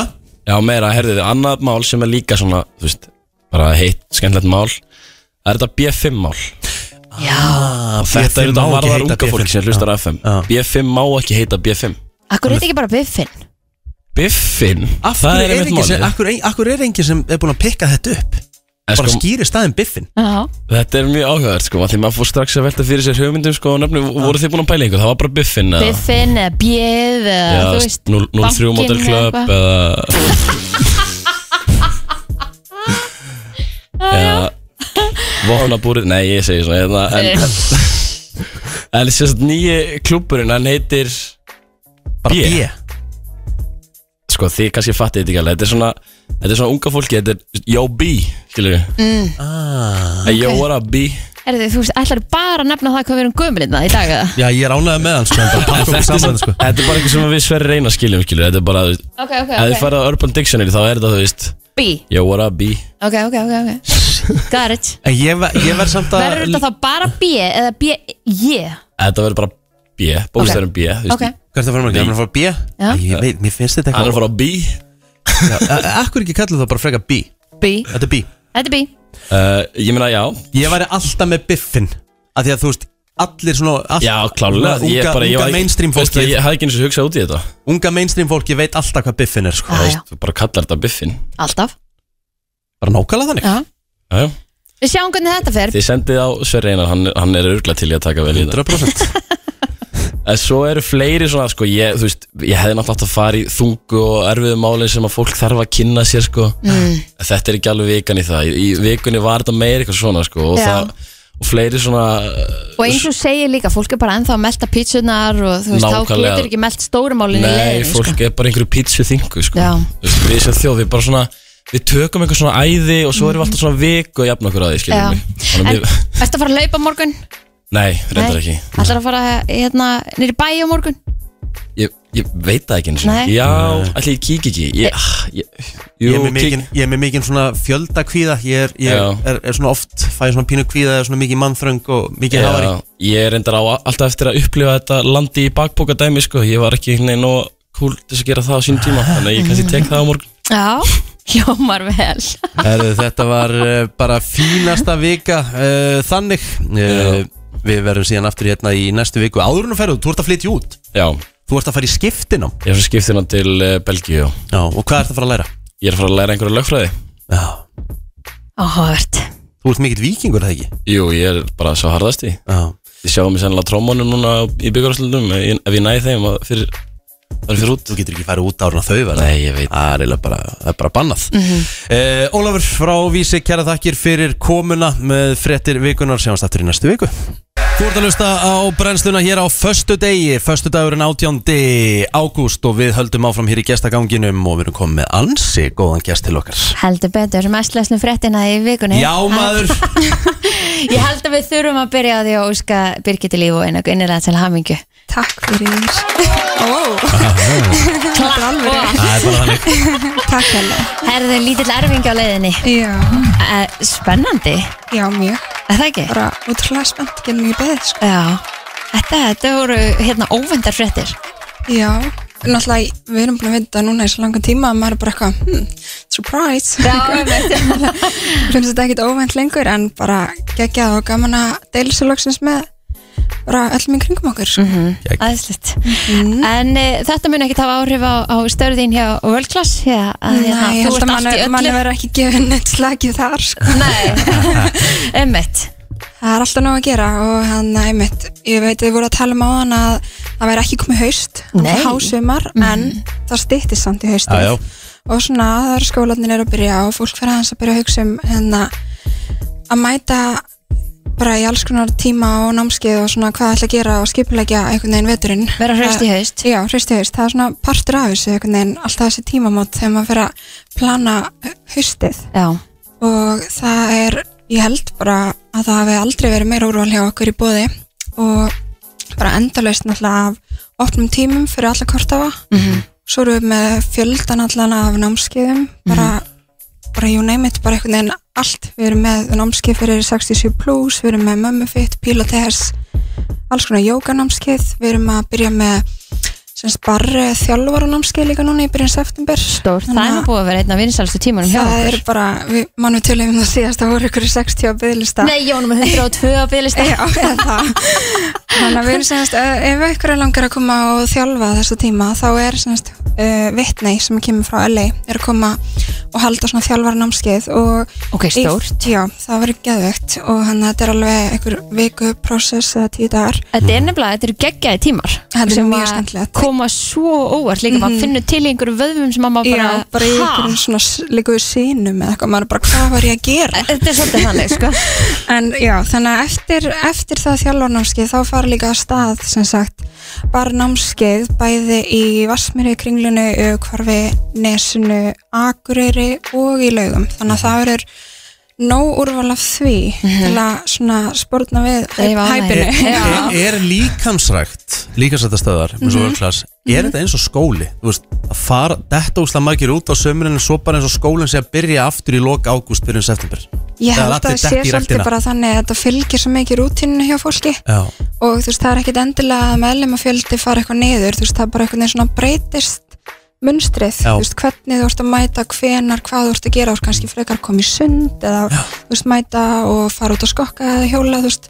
en samt einhvern veginn ennþá að nýta þér aðstöðuna, þú veist, þú vilt ennþá vera meðlemur, en já, þetta er svona álagi breytist aðeins, en náttúrulega sumari kom svolítið seint þannig að það var ennþá bara allt stappað í júni og einmitt þessi heitu tímar bara ekkert láta því Nei, það var náttúrulega úrkomi með í júni, þannig að það er ekki skrítið að maður hefði viljað fara aðeins inn í aðeins hlíuna inn í sko. hlýjuna algjörlega, þú veist, ég er allavega bara allt sem er búin að hanga í þessum tímum sko. Já. Þannig að Mér finnst það mjög kósi saman hvernig veðrið er úti Mhm. en já, það, þetta er einmitt, þetta kemur bara, þetta fylgir henni bara svolítið samfélaginu og rútinu hjá fólki, skólanum og vinnu og allir svo leis Mhm. Og svo eru þið alltaf að- að bæta og betur en Já. bæta, þið komið nýjan völdfettsal í lögum. í laugum, já, við erum semst byrjum með völdvittlaugar bara í vor og erum núna semst að byrja þar með tíma sem heita völdvitt harka og þú kannast náttúrulega Gísla. við gísla hörku Geggjaður. hann er geggjaður þjálfari og svolítið svona endurvekja hörkuform hann að námskeiðin sem hann var með í hvað sem að gamla daga Akkurat. og hérna, þannig að þetta er svona aðeins meiri svona kyrslu og brennslutímar heldur en völdvitt almennu tímanir Mhm. og laugar verða svolítið svona miðpuntur hans Mhm. og hann er svolítið svona hans hjarta að keira svolítið svona nýtt samfélag í gang þar sem er náttúrulega opibura fyrir alla sem eru Love í it. völdvitt síðan eru við líka með náttúrulega völdvitt mömmur fyrir bæði Mhm. Og það verður kannski ámeðgöngu áhersla og- það núna. Ég var alltaf bara byttin og við þurfum aðeins að fara að pæla meira í þessu Nei, nei, við erum alltaf, erum alveg búin að vera með þessa tíma mjög vinsalir og við erum bæði í kringlunni og hafnafyrði og síðan erum við með Byrjar úlingastarf í laugum í Já. februar. Við erum með úlingastarf semst í kringlunni og tjarnavellum og svo erum við alltaf krakkar að byrja aftur á vellunum Geggjað. og síðan alltaf erum við með Boxing Akademíuna í kringlunni sem er fjölbreytt úrvar af boxtímum og úlingastarf líka og MMA í hafnafyrði er að byrja aftur núna 4. september Þið eru með allt Þannig að það er fyrir alla. einhvern veginn, ef þú finnur ekki eitthvað, ég veit ekki hvert Þá er þetta það annars ekki að fara, sko. til. Já. Þannig að það er, já, það er bara, eins og ég segja, um að gera að bara skoða hvað er í bóði og, og líka bara prófa. Þú veist, alltaf hægt að koma að prófa, bara einhvern veginn svona, já, hvað þú fílar og hann að, þú veist, ekkert mál að breyta síðan til. Mhm. og svo eh, ég finnst mér líka þú veist að því þú ert búin að taka fram með allt sem þú getur gert Mhm. fyrir heilsuna en fyrir bara andlu heilsuna líka að fara í spað, panta Já. sér nutt þó það sé ekki nema sko bara einu svona hverjum ásfjórðung eða eitthvað, Já. Mhm. þú veist þú fær með bíla inn í spurningu af hverju gerur ekki eitthvað fyrir, þú veist, sjálfaðin líka og fyrir líkamæðin og Já, kroppin ég er að og... fara í nutt í hátíðinu, sko. Akkurat, já, nei Ég alveg bara, þetta er það besta sem maður gerir Já. bara aðeins líka bara einhvern veginn að slökka símanum og bara skipta við einhverju og loka allt og bara, þú ert bara að gera eitthvað gott fyrir þig Mhm. Mhm. Einmitt, þessi klukkutími sem að maður kannski leifir sér í, í spaðinu, ekki með símann sinn og bara vera Mhm. hann, er, hann er svona eins og að endurnæra sér í fjóra tíma sko. Já. þú veist, þú bara pluggar það inn og þú bara færið 100% á no time sko. algjörlega, þetta er alveg svona vannmyndið þetta er það, alveg bara klárlega Mhm. þannig að um að gera að nýta sér það Já. mikið og fjölbreytt eh, hérna á snýrtistofunni maður getur getur ekki allt fyrir sig svolítið ykkur og svo auðvitað viljum við minna alla á að þið völkast er með okkur í skólalegnum okkar inn á Facebook síðan 5957, það sem er verið að gefa einmitt eh, skólakort þannig að endilega takið þátt og, og Herra, já, verið með þar ég er með þið út í bíl Já, Gleymdi. voru náðið Já, ná, já. Æ, Minnum á þetta er það. bara briljant fyrir skólan líka. Hvernig Algjörlega. virka skólakortin? Uh, Þeir eru reyni sko fyrir bara alla námsmenn þannig að það er ekki neitt aldurs Nei. takmarkaðum, það er alveg stundum einhver meðskilningur en hann að þetta er reyni bara Ef þú Mhm. sýnir fram úr í skóla Já, þá þú færðu sýnir bara skólakort. fram, já, algjörlega og þetta eru bara tilbúð á kortum Já, hvernig allir til að fara inn á volkast.is og, og kynna sér þetta? Svo eru komin í heimasíða og við byrjum náttúrulega að vinna með sportablar í vor þannig að það er komið app fyrir alla tímaskráningu og það, já, það er endalist í gangi, sko þannig að um að gera bara að fylgjast með Við spjóðum voðalega vel á þetta. Birgitta Leif Það er finnilega ekki. til að mengi með nýjustu fréttinnar og þetta fyrir. er bara hérna, frábæran árangur hjá ykkur í volkast. Takk fyrir Takk hérlega Við höldum áfram og það er komið að neyðar byrtu Já. við förum úr einni bíalíf yfir í aðra bíalíf. Yes, sir Nú er það Birta líf Já, sko, Birgitta líf Já. þú ert vanalega einu sinni í viku En sorry, þetta bara þurfti útkall Já, ég skil það alveg, þú veist, ég sá þetta gerast á, þú veist, einmitt þri, hvort það var ekki bara miðgöldasköldinu, já, einmitt, já. og ég var bara eitthvað ok, ég veit hvað er að fara að tala um á þriðdöðin Já, nei, ég En- gæti ekki beðið. Sko. Nei, en svo, Nei. þú veist, svo byrjuðu sögurnar að koma og ég var bara, ú, fuck, þetta ú, Það þólar ekki byrð Nei, nei, nei. það er þetta bara verður svo, svoleiðis. þetta verður svo mikið og langt en Herru, förum yfir þetta Þú veist, þeir sem er að hlusta og hafa hort eitthvað á- á eða séð eitthvað á slúðumila já, Það er alltaf fyrir skrúin hjá sko, ég hugsa að þegar við tökum svona neyðar þá þurfum við að fara í svona sem við kallum deep dive eða svona Já. smá köfun Þetta það er kannski ykkur að núti, við allir hvað Britney Spears er Já. kannski ykkur sem eru að hlusta núna sem hafa ekki verið að fylgjast með þessu sambandi eins og kannski við við þekkjum kannski grunninn en ekki allir þannig við ætlum aðeins að fara ón í þetta Við ætlum að byrja á byrjuninni byrjum á byrjunni, hver er Sam Ascari? Hvaðan kemur hann? Mhm. hvaðan kemur hann, einmitt Herru, hann er, hérna heitir Hesam Asghari það er bara að kalla það Sam hann er 94 módel Ó, sem gera hann bara 29 ára og því meður á hann Sam ámælist á ég 3. mars frekar, frekar Mhm. Já. fólk en það Segir gera hann að ekki til um. fisk eins og okkur Já. Mhm, sko, og nú hefur við heyrt marga mismundu sögur um fiskana þannig að við erum ekki náttúrulega vonum bara að hann sé okkar megin þú veist, Akkurat. hann sé þarna í góða, góða leiðinu sko. Mhm. en hérna hann er íransk-amerísk fyrirsæta Ok. og, og hérna einhver leikari og líkjámsræktarþjálfari Mhm. hann er samt verið bara svona minni hlátt- háttar hlutverkum í einhverju svona Black Monday hacks, family business og svo í tónlistamindbundum Ok, svo í dag á hann bara vefsíu sem að selur enga þjálfun og þjálfunarprogram hann er svolítið svona í, því, í þeim geira núna þau kynntust Sam og Britney Spears uh, árið 2016 þegar hann var valinn til þess að leika í tónlistamindbundinu hennar Slumber Party ok og svo sagði hann í viðtalið ekki lungu eftir tónlistamimbandið þá fekk hann símtal sem var bara spurt viltu fara og fá þér sushi með Britney Spears og hann sagði bara já og þau fóru og hann sagði þau tala um tónlistamimbandið þau tala um hvað þeim fyrir skott að borða og sushi Mhm. Ok, hann sagði að þetta var það sem þau töluðum þannig að ég Ok. veit ekki fyrst já, svo byrjuðu Þannig hringdi hún ekki einu svona sjálf í hann og Nei. böðum á deit nei, ah, ok en við erum alltaf að muna 2016 þá er Hún hún, var náttúrulega ennþá Mhm, ekki, akkurat, rétt, rétt hún var einhvern ekki með hérna sjálfstæðan Vi, Já, nei, Já. pappina var ennþá að Já. stjórna hún þarna þurfti basically að spyrja hvort þú mætti fara á deit Já, Já. og það var alveg í svona reglum hennar, þú veist, undirritu forræði máli pappinar að hún mætti basically ekki vera að deyta en þau greinlega gáðu eitthvað grænt, grænt ljósa þetta mhm. bla bla bla Herru, þreim ára setna, 2019 uh, þá kom umræðinu upp um að enda forræði pappinar yfir Brittany og í kjölfarað því tilkynnti Brittany að hún og Sam væru trúlofið og hann hefði beðið hann um að gifta sér þetta er 12. september 2021 Gerðist mjög snögglega Já, svona, Já. þau kynntu samt 2016 Ok, Þannig að þetta eru þrjú ár tæplega, svona um, Hún losnaði undan far, forræði pappa síns 12. november þannig að það kemur bara þarna trúlastur eftir svo november er hún laus Mhm. og hún sem allir mjög mjög opið um það hvað hann var ánaður og hann var alltaf að þakka þú veist, á Instagram var alltaf að þakka öllum aðdándu breytnei fyrir að sína stöðning og hann var mjög svona opið að tala um hennar mál Mhm. uh, cirka fimm mánum eftir að Brittin var laus undan pappa sínum þá tilkynnti hún á Instagram 11. apríl 2022 að hún væri ólétt af þriðja batni og fyrsta batni sem Ok, muni eftir þessu, Já. hún postaði svona mynd af Akkurat. bara basically tebolla ég man, man eftir þessu og við vorum bara er þetta óléttu tilkynning? emitt það var mjög svona, eins og hún er kannski svona svolítið mysterísk í Instagram postunum sem stundum um, hérna, en síðan mjög sorglega mánuðu setna tilkynnt hún að þau hafi mist fóstri Æ, æ, já. um, Svo giftuðu sig 9. júni 2022 bara síðasta sumar uh, á heimilinu sínu og það var fullt af Mm. Í mjög skrýtnu brúkupi sem að margir vildi meina að sko, fólk hafi verið bara photoshopað inn á myndunar sko, hellingur af bara heimsfrægu fólki mætti þarna Er þú veist. svona random fólki Já, Selena Gomez okay. Einmitt. Hvað þú að gera það? Ég þú veist þekkjast þær Einmitt, ok, Paris Hilton, Fair Þær Já. voru húst að djama saman back in the days Aha. Madonna, jújú, jú, það þekkir Kysstust. Kossin, já, Já. já Drew Barrymore, ok, skemmtilegt Já. Skilur Og svo var Donatella Versace en hún alltaf hannaði giftingakjólin Svo voru fleiri þarna Paris Hilton hefur til dæmis síðan þá sagt Það voru skrýtni hlutir sem að gerðist í brúðköpinu En hún er ekki tilbúin að segja eitthvað hvað Mhm.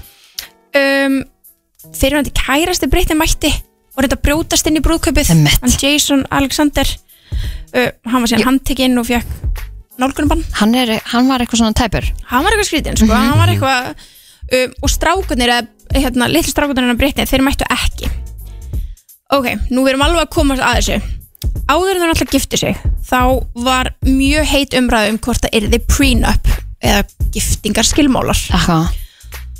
og hérna Það er, bara, er það ekki bara fullkomlega eðlilegt þegar að þú eh, svona kannski smá ójabbi í sambandinu ójú, Já, 100% um, hérna, Brittany er líka sko 12 árum eldri en hann þannig að hún er með aðeins svona emitt þú veist, hún er búin að ná að kannski gera meira Á aðeins meira já, á aðeins meira, Og svo hefur bara mikið svolítið gengið á í hennar lífi og margir tekið af henni og allt þetta þannig að einmitt ég skilði alveg, hún vilji venda sig og shit algjörlega og þá hérna um leiðu tilkynntur þessar trúlónuna þá var þú veist fólk byrjað að tala um prínup mm -hmm. og Sam sagði á Instagram takk allir sem hafa ágjörð því hvort við verðum með giftingaskilmála auðvitað erum við að fara að vera með járnstiftan skilmála til að passa upp á bíli minn og skósapnið ef hún skildi ákveða einn daginn að hætta með mér þetta segir hún á sínum tíma já, hún myndi passa vel upp á skona en að núna já, sko akkurat um, það voru gerðir mjög áhugaverðir skilmálar samkvæmt heimildamanni úr löffræðiteiminana Brittany Já, var þetta ekki eitthvað svona, ef hann verður með henni í fimm ára Mhm, þá fær hann þetta borgað, ef hann er með henni í tíu ára þá fær hann Já. þetta borgað, þetta er svona eins og þetta hafi verið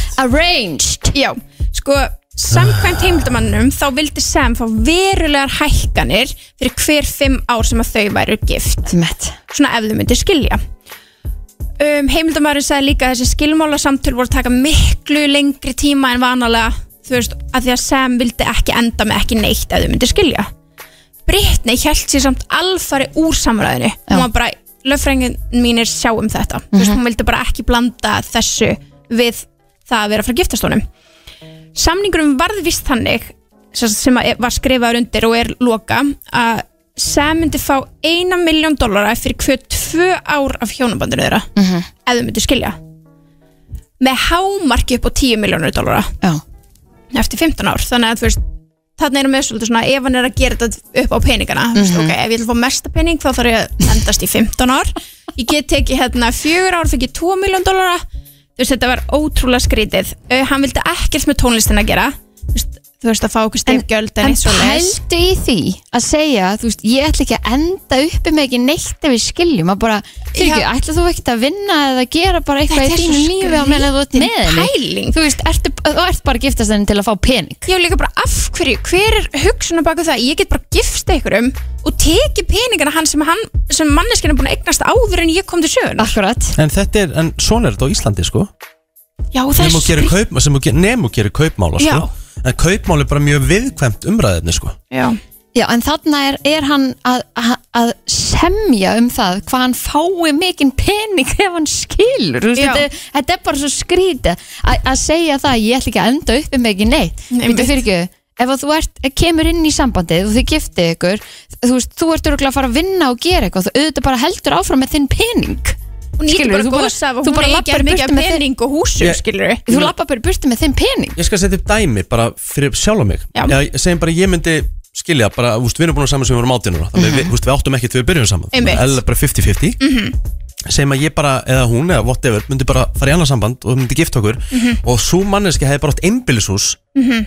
þá myndi ég ekki ef- myndi ekki, síðan ekki ganga í okkur fyrst árið þá myndi ég ekki vilja hyrða helmingin að því sko, það nei, bara, það er það ég, bara myndi bara ekki skrítið. sofa, ég myndi bara ekki sofa á nóttinni sko. Nei, það er það sem er svo gali við þetta að Aha. lappin í samband þar sem einhver áfullt af pening og vera bara, herra, ég vil samt fá fullt af þessu ömmett, Nei, meikar þú engan varst sens. ekki meikar engan þú varst ekki til sens. staðar Nei. þegar að það var verið að vinna inn fyrir þessum Nei. pening En svo finnst mér meðlag og allt það, það er allt annað Það er allt topp. annað dæmi, sko. þannig Já. að dæmi En allavega, Sam vildi ekkert með tónlistinnar að gera, þú veist, hann var ekki að kleima, hann vildi fá eitthvað, eitthvað stefgjöld eða eitthvað úr katalógnum.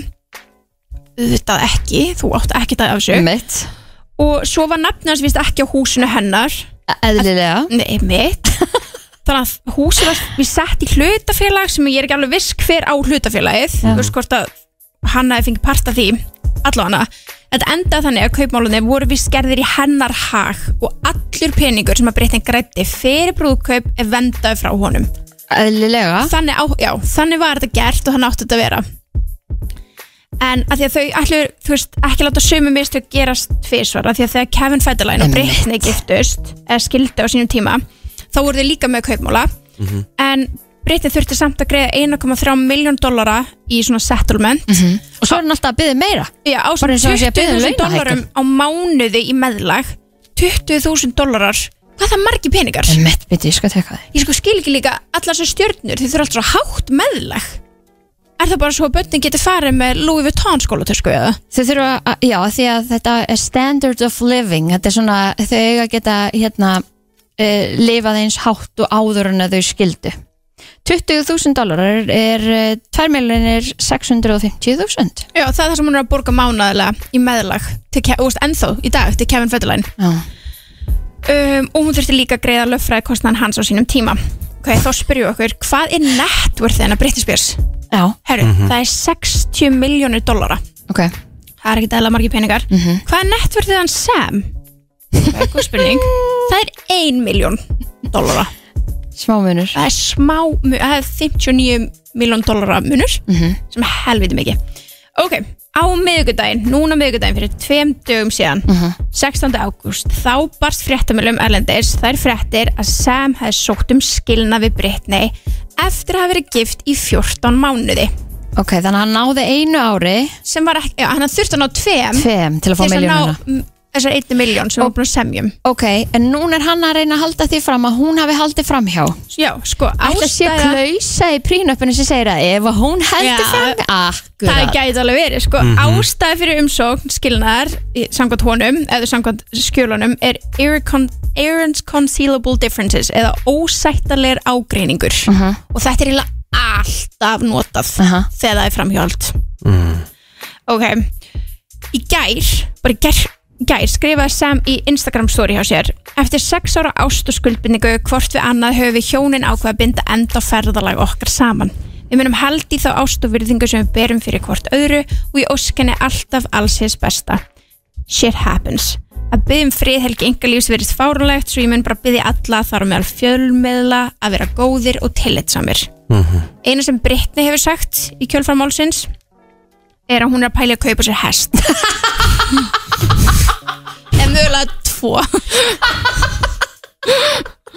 hann er líst mjög vel hann er líst rosa vel á nöfnin War og Sophie Hún er með hún er met, henni er svo slétt sama þessi gauðs í farin hún er bara eitthvað herri, þetta eyður sem pening að þú reynir að fá eitthvað um, sko heimildamenn ná, nálagt þeim segja hérna nálagt Brittany hafa sagt að hann sem sé alveg komin út í lífin hennar Ok, hann er sérst ver, hann hefur verið fluttur út úr húsinu áður en hann sótt um skilnaðin í sinna eigin íbúð ok, sem ásaka sérst Brittany um að hafa haldið fram hjá sér í stóru rifildir rétt áður en að óska um skilnað og heimildamenn segja að hérna að Sam hafi sagt þeim að hún hafi verið að halda fram hjá með einum af starfsmanni þeirra, þú veist, einhver sem vinnur heima hjá þeim Ok. en ímynda okkur hvað er stór mikið af örgisverðum og svo eru örgulega kokkar og svo eru örgulega þreifninga mm -hmm. þetta eru örgulega hellingur af fólki sem er inn og út úr húsinu hann hafi verið að halda því fram að vera með einhverjum sem að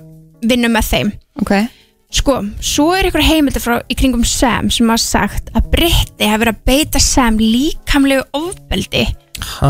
og meira að segja að gefa honum glóðröga í eitt skipti þegar hann var sofandi og það hefur verið ófá skipti sem að öryggisverður hafa þurft að stíga inn í að stoppa líkamlega árásir Brittany hvert sem.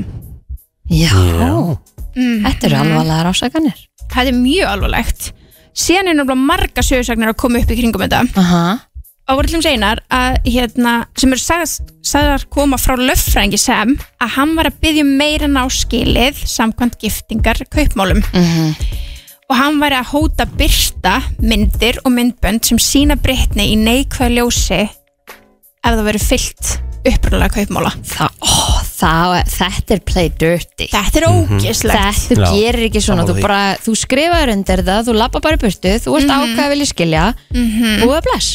Það á ekki að vera svona erfitt. já, bara, s- nei, einmitt Vorkinn er sér að stelpu sko Já, það er Eðlilega. allir alltaf að reyna að, að nýta sér hann einhvern veginn. bara ekki- can't catch a break Nei. það er bara þannig, það Mhm. er alveg magnað uh, umbúsmaður sem hann Brandon Cohen hefur stigið fram og neita þessum sögursögnum, nei hann er ekki að hóta neinu nei þetta er ekki rétt um, og, hann er, þú veist, og þessi Brandon segir að hann sé ekki að reyna að fara á móti kaupmálunum og þetta væri allt lígi og hann er ekki að reyna að gera neitt illt með því að skilja við hana mm.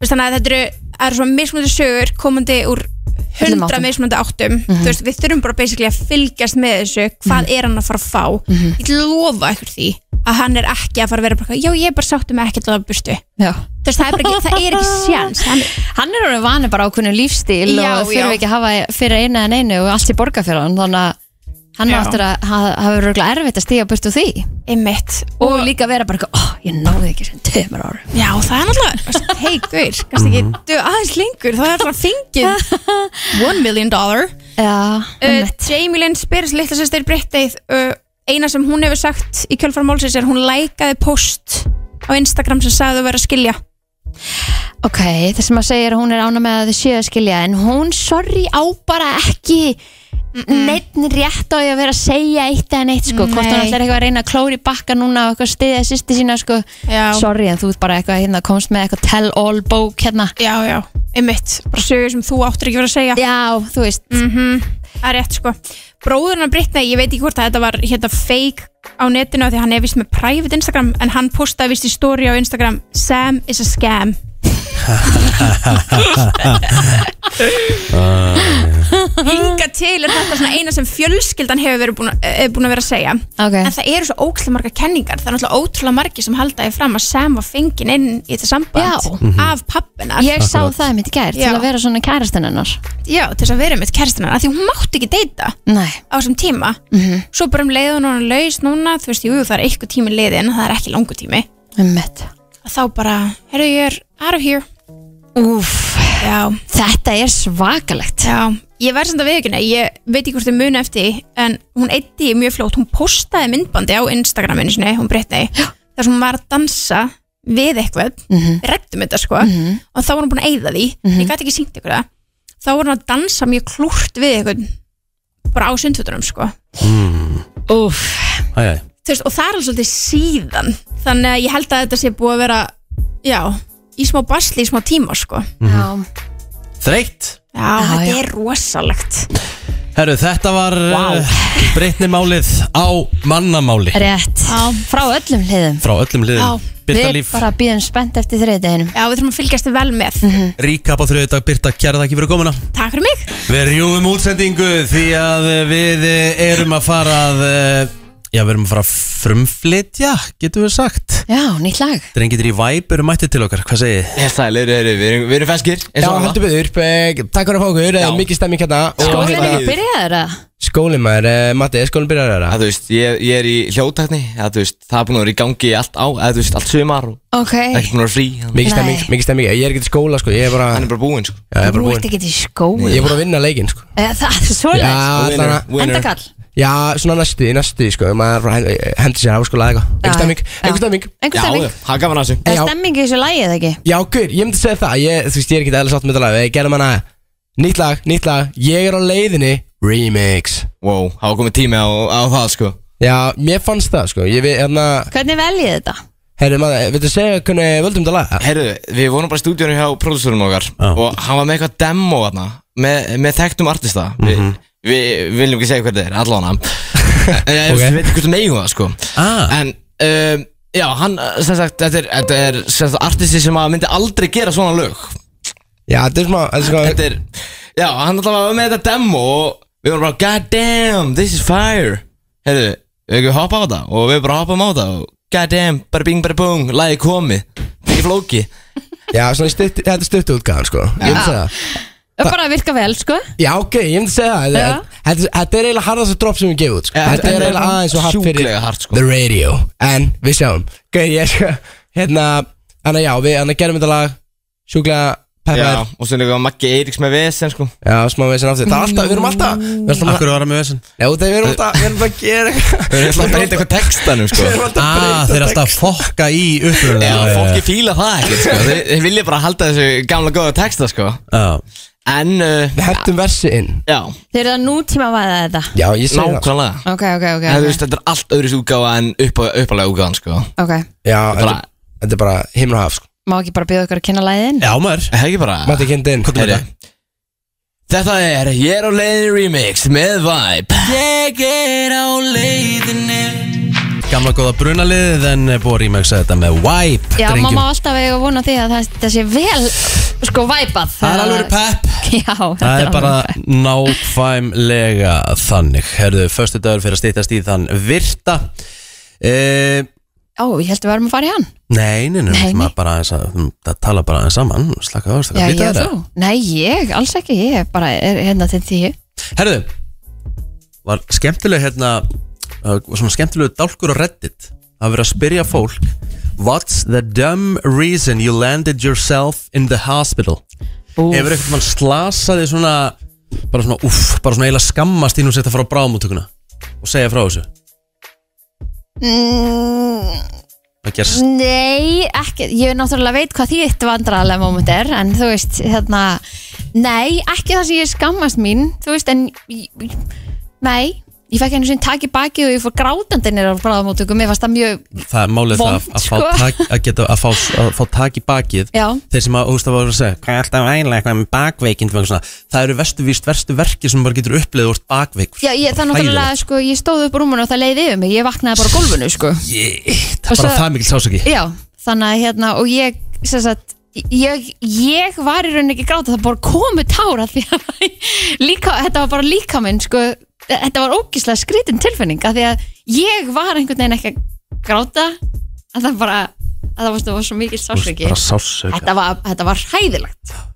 verstu sásökur sem ég hef upplifað það var nýrnasteinin Já, og þurfti að sækja múti bíl ég Einmitt. gat, ég gat ekki hérna þú veist, þú Þú veist, veist, bara bara fá setja mig í hjól- hjálp. það er hægt að setja mig í hjólastól já, akkurat því ég gat ekki labbað Jæks, ég náði samt að keira þarna sko, það er ótrúlegt já, Eh, svo hitt þá ætla ég að segja bara Jó, ég verð að segja þegar ég ökla brotnaði Vist, Það var óg, eða, sko, það, ekki þegar ég ökla brotnaði dagurinn eftir Mhm. Já. þegar búið var að púsla þessu saman og þú veist, verkjalegum voru hægt að virka það var hórbjóður já, það var bara svona sláttur það var sláttur í, í öklanum og fætinum sko. já Svo annað skipti reynda sem að leiðið um mig var náttúrulega hérna, því rifbensbraut mig þá hérna, ég gerði þá snjóbriti ég vissi ekkert ég hafði Ger, þú fattar það ekki Nei. alls strax sko.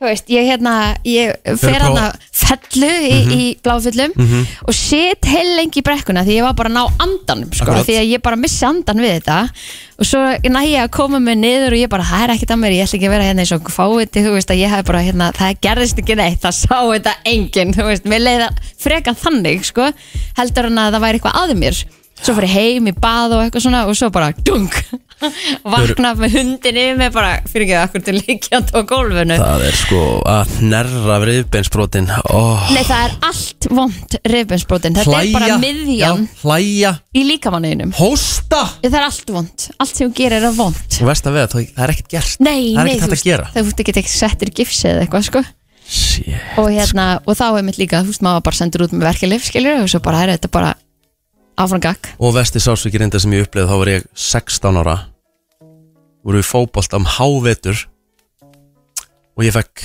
fótbolta í báða ég bara beint, ekki í, ti- þú veist, ekki, ekki í eistun heldur bara, heldur bara limin sjálfan Þú veist, ég myndi mig Bostin ekkert í verður svo eistunum harður, sko málið það, hann var frosinn Akkurat, Herru, ég, þá þurfti ég að fara að því að ég held ég væri í, í, í full erection en limurinn var bara svo bólgin oi, á blára bólgu þannig að ég þurfti að fara niður yttir ái og gæinn og læknirinn spöði og svo fór ég eitthvað á skoðun og eitthvað og ég spurði hvort það myndi hafa eitthvað veist, hvort það myndi eitthvað hafa áhrif en nei, mamma spurði hvort það myndi hafa eitthvað áhrif Já, svona í framtíðinni í framtíðinni varðandi, þú veist, barnegnir og hann sagði, þú veist, ólíklega en, þú veist, en ég, þú veist, það er, það er ekki hægt að segja það núna, Nei, sko. emmitt en hann sagði þetta var svaka högg þannig að hann sagði, ég skil vel og hef meitt, hvað gerður Já. ég sagði, ég bara eiginlega misti andan sko. Úf, það var helvíti vond sko. já, Nefnilega, að vera nánast í erection á þess að vera í erection sko. það, er- þá hlýtur að hafa komið alvöru högg sko. emmitt Herðu, við eh, skuldum okkar auðlýsingar og svo ætlum við að fara í þann virta Það er komið að þeim virta Vissir þú að abar kúka bara einu sinni í viku? En vissið þú að selir gera í rauninni ekki neitt? Tilgangslösi móli dagsins Í brennslunni Já, sá eh, virti uh, hjá okkur uh, farið að segja og svona setja hlutan hjá okkur þetta er búið að vera alvöru þéttið þáttur Úf, já. Herðu, stæsta pizza sem að nokkuð tíman hefur verið búið til. Hún Mhm. var búin til í Róm í Ítalíu ára 2012. Hún var 13.580 square feet. Hvað er það mikið? eh, maður sjá.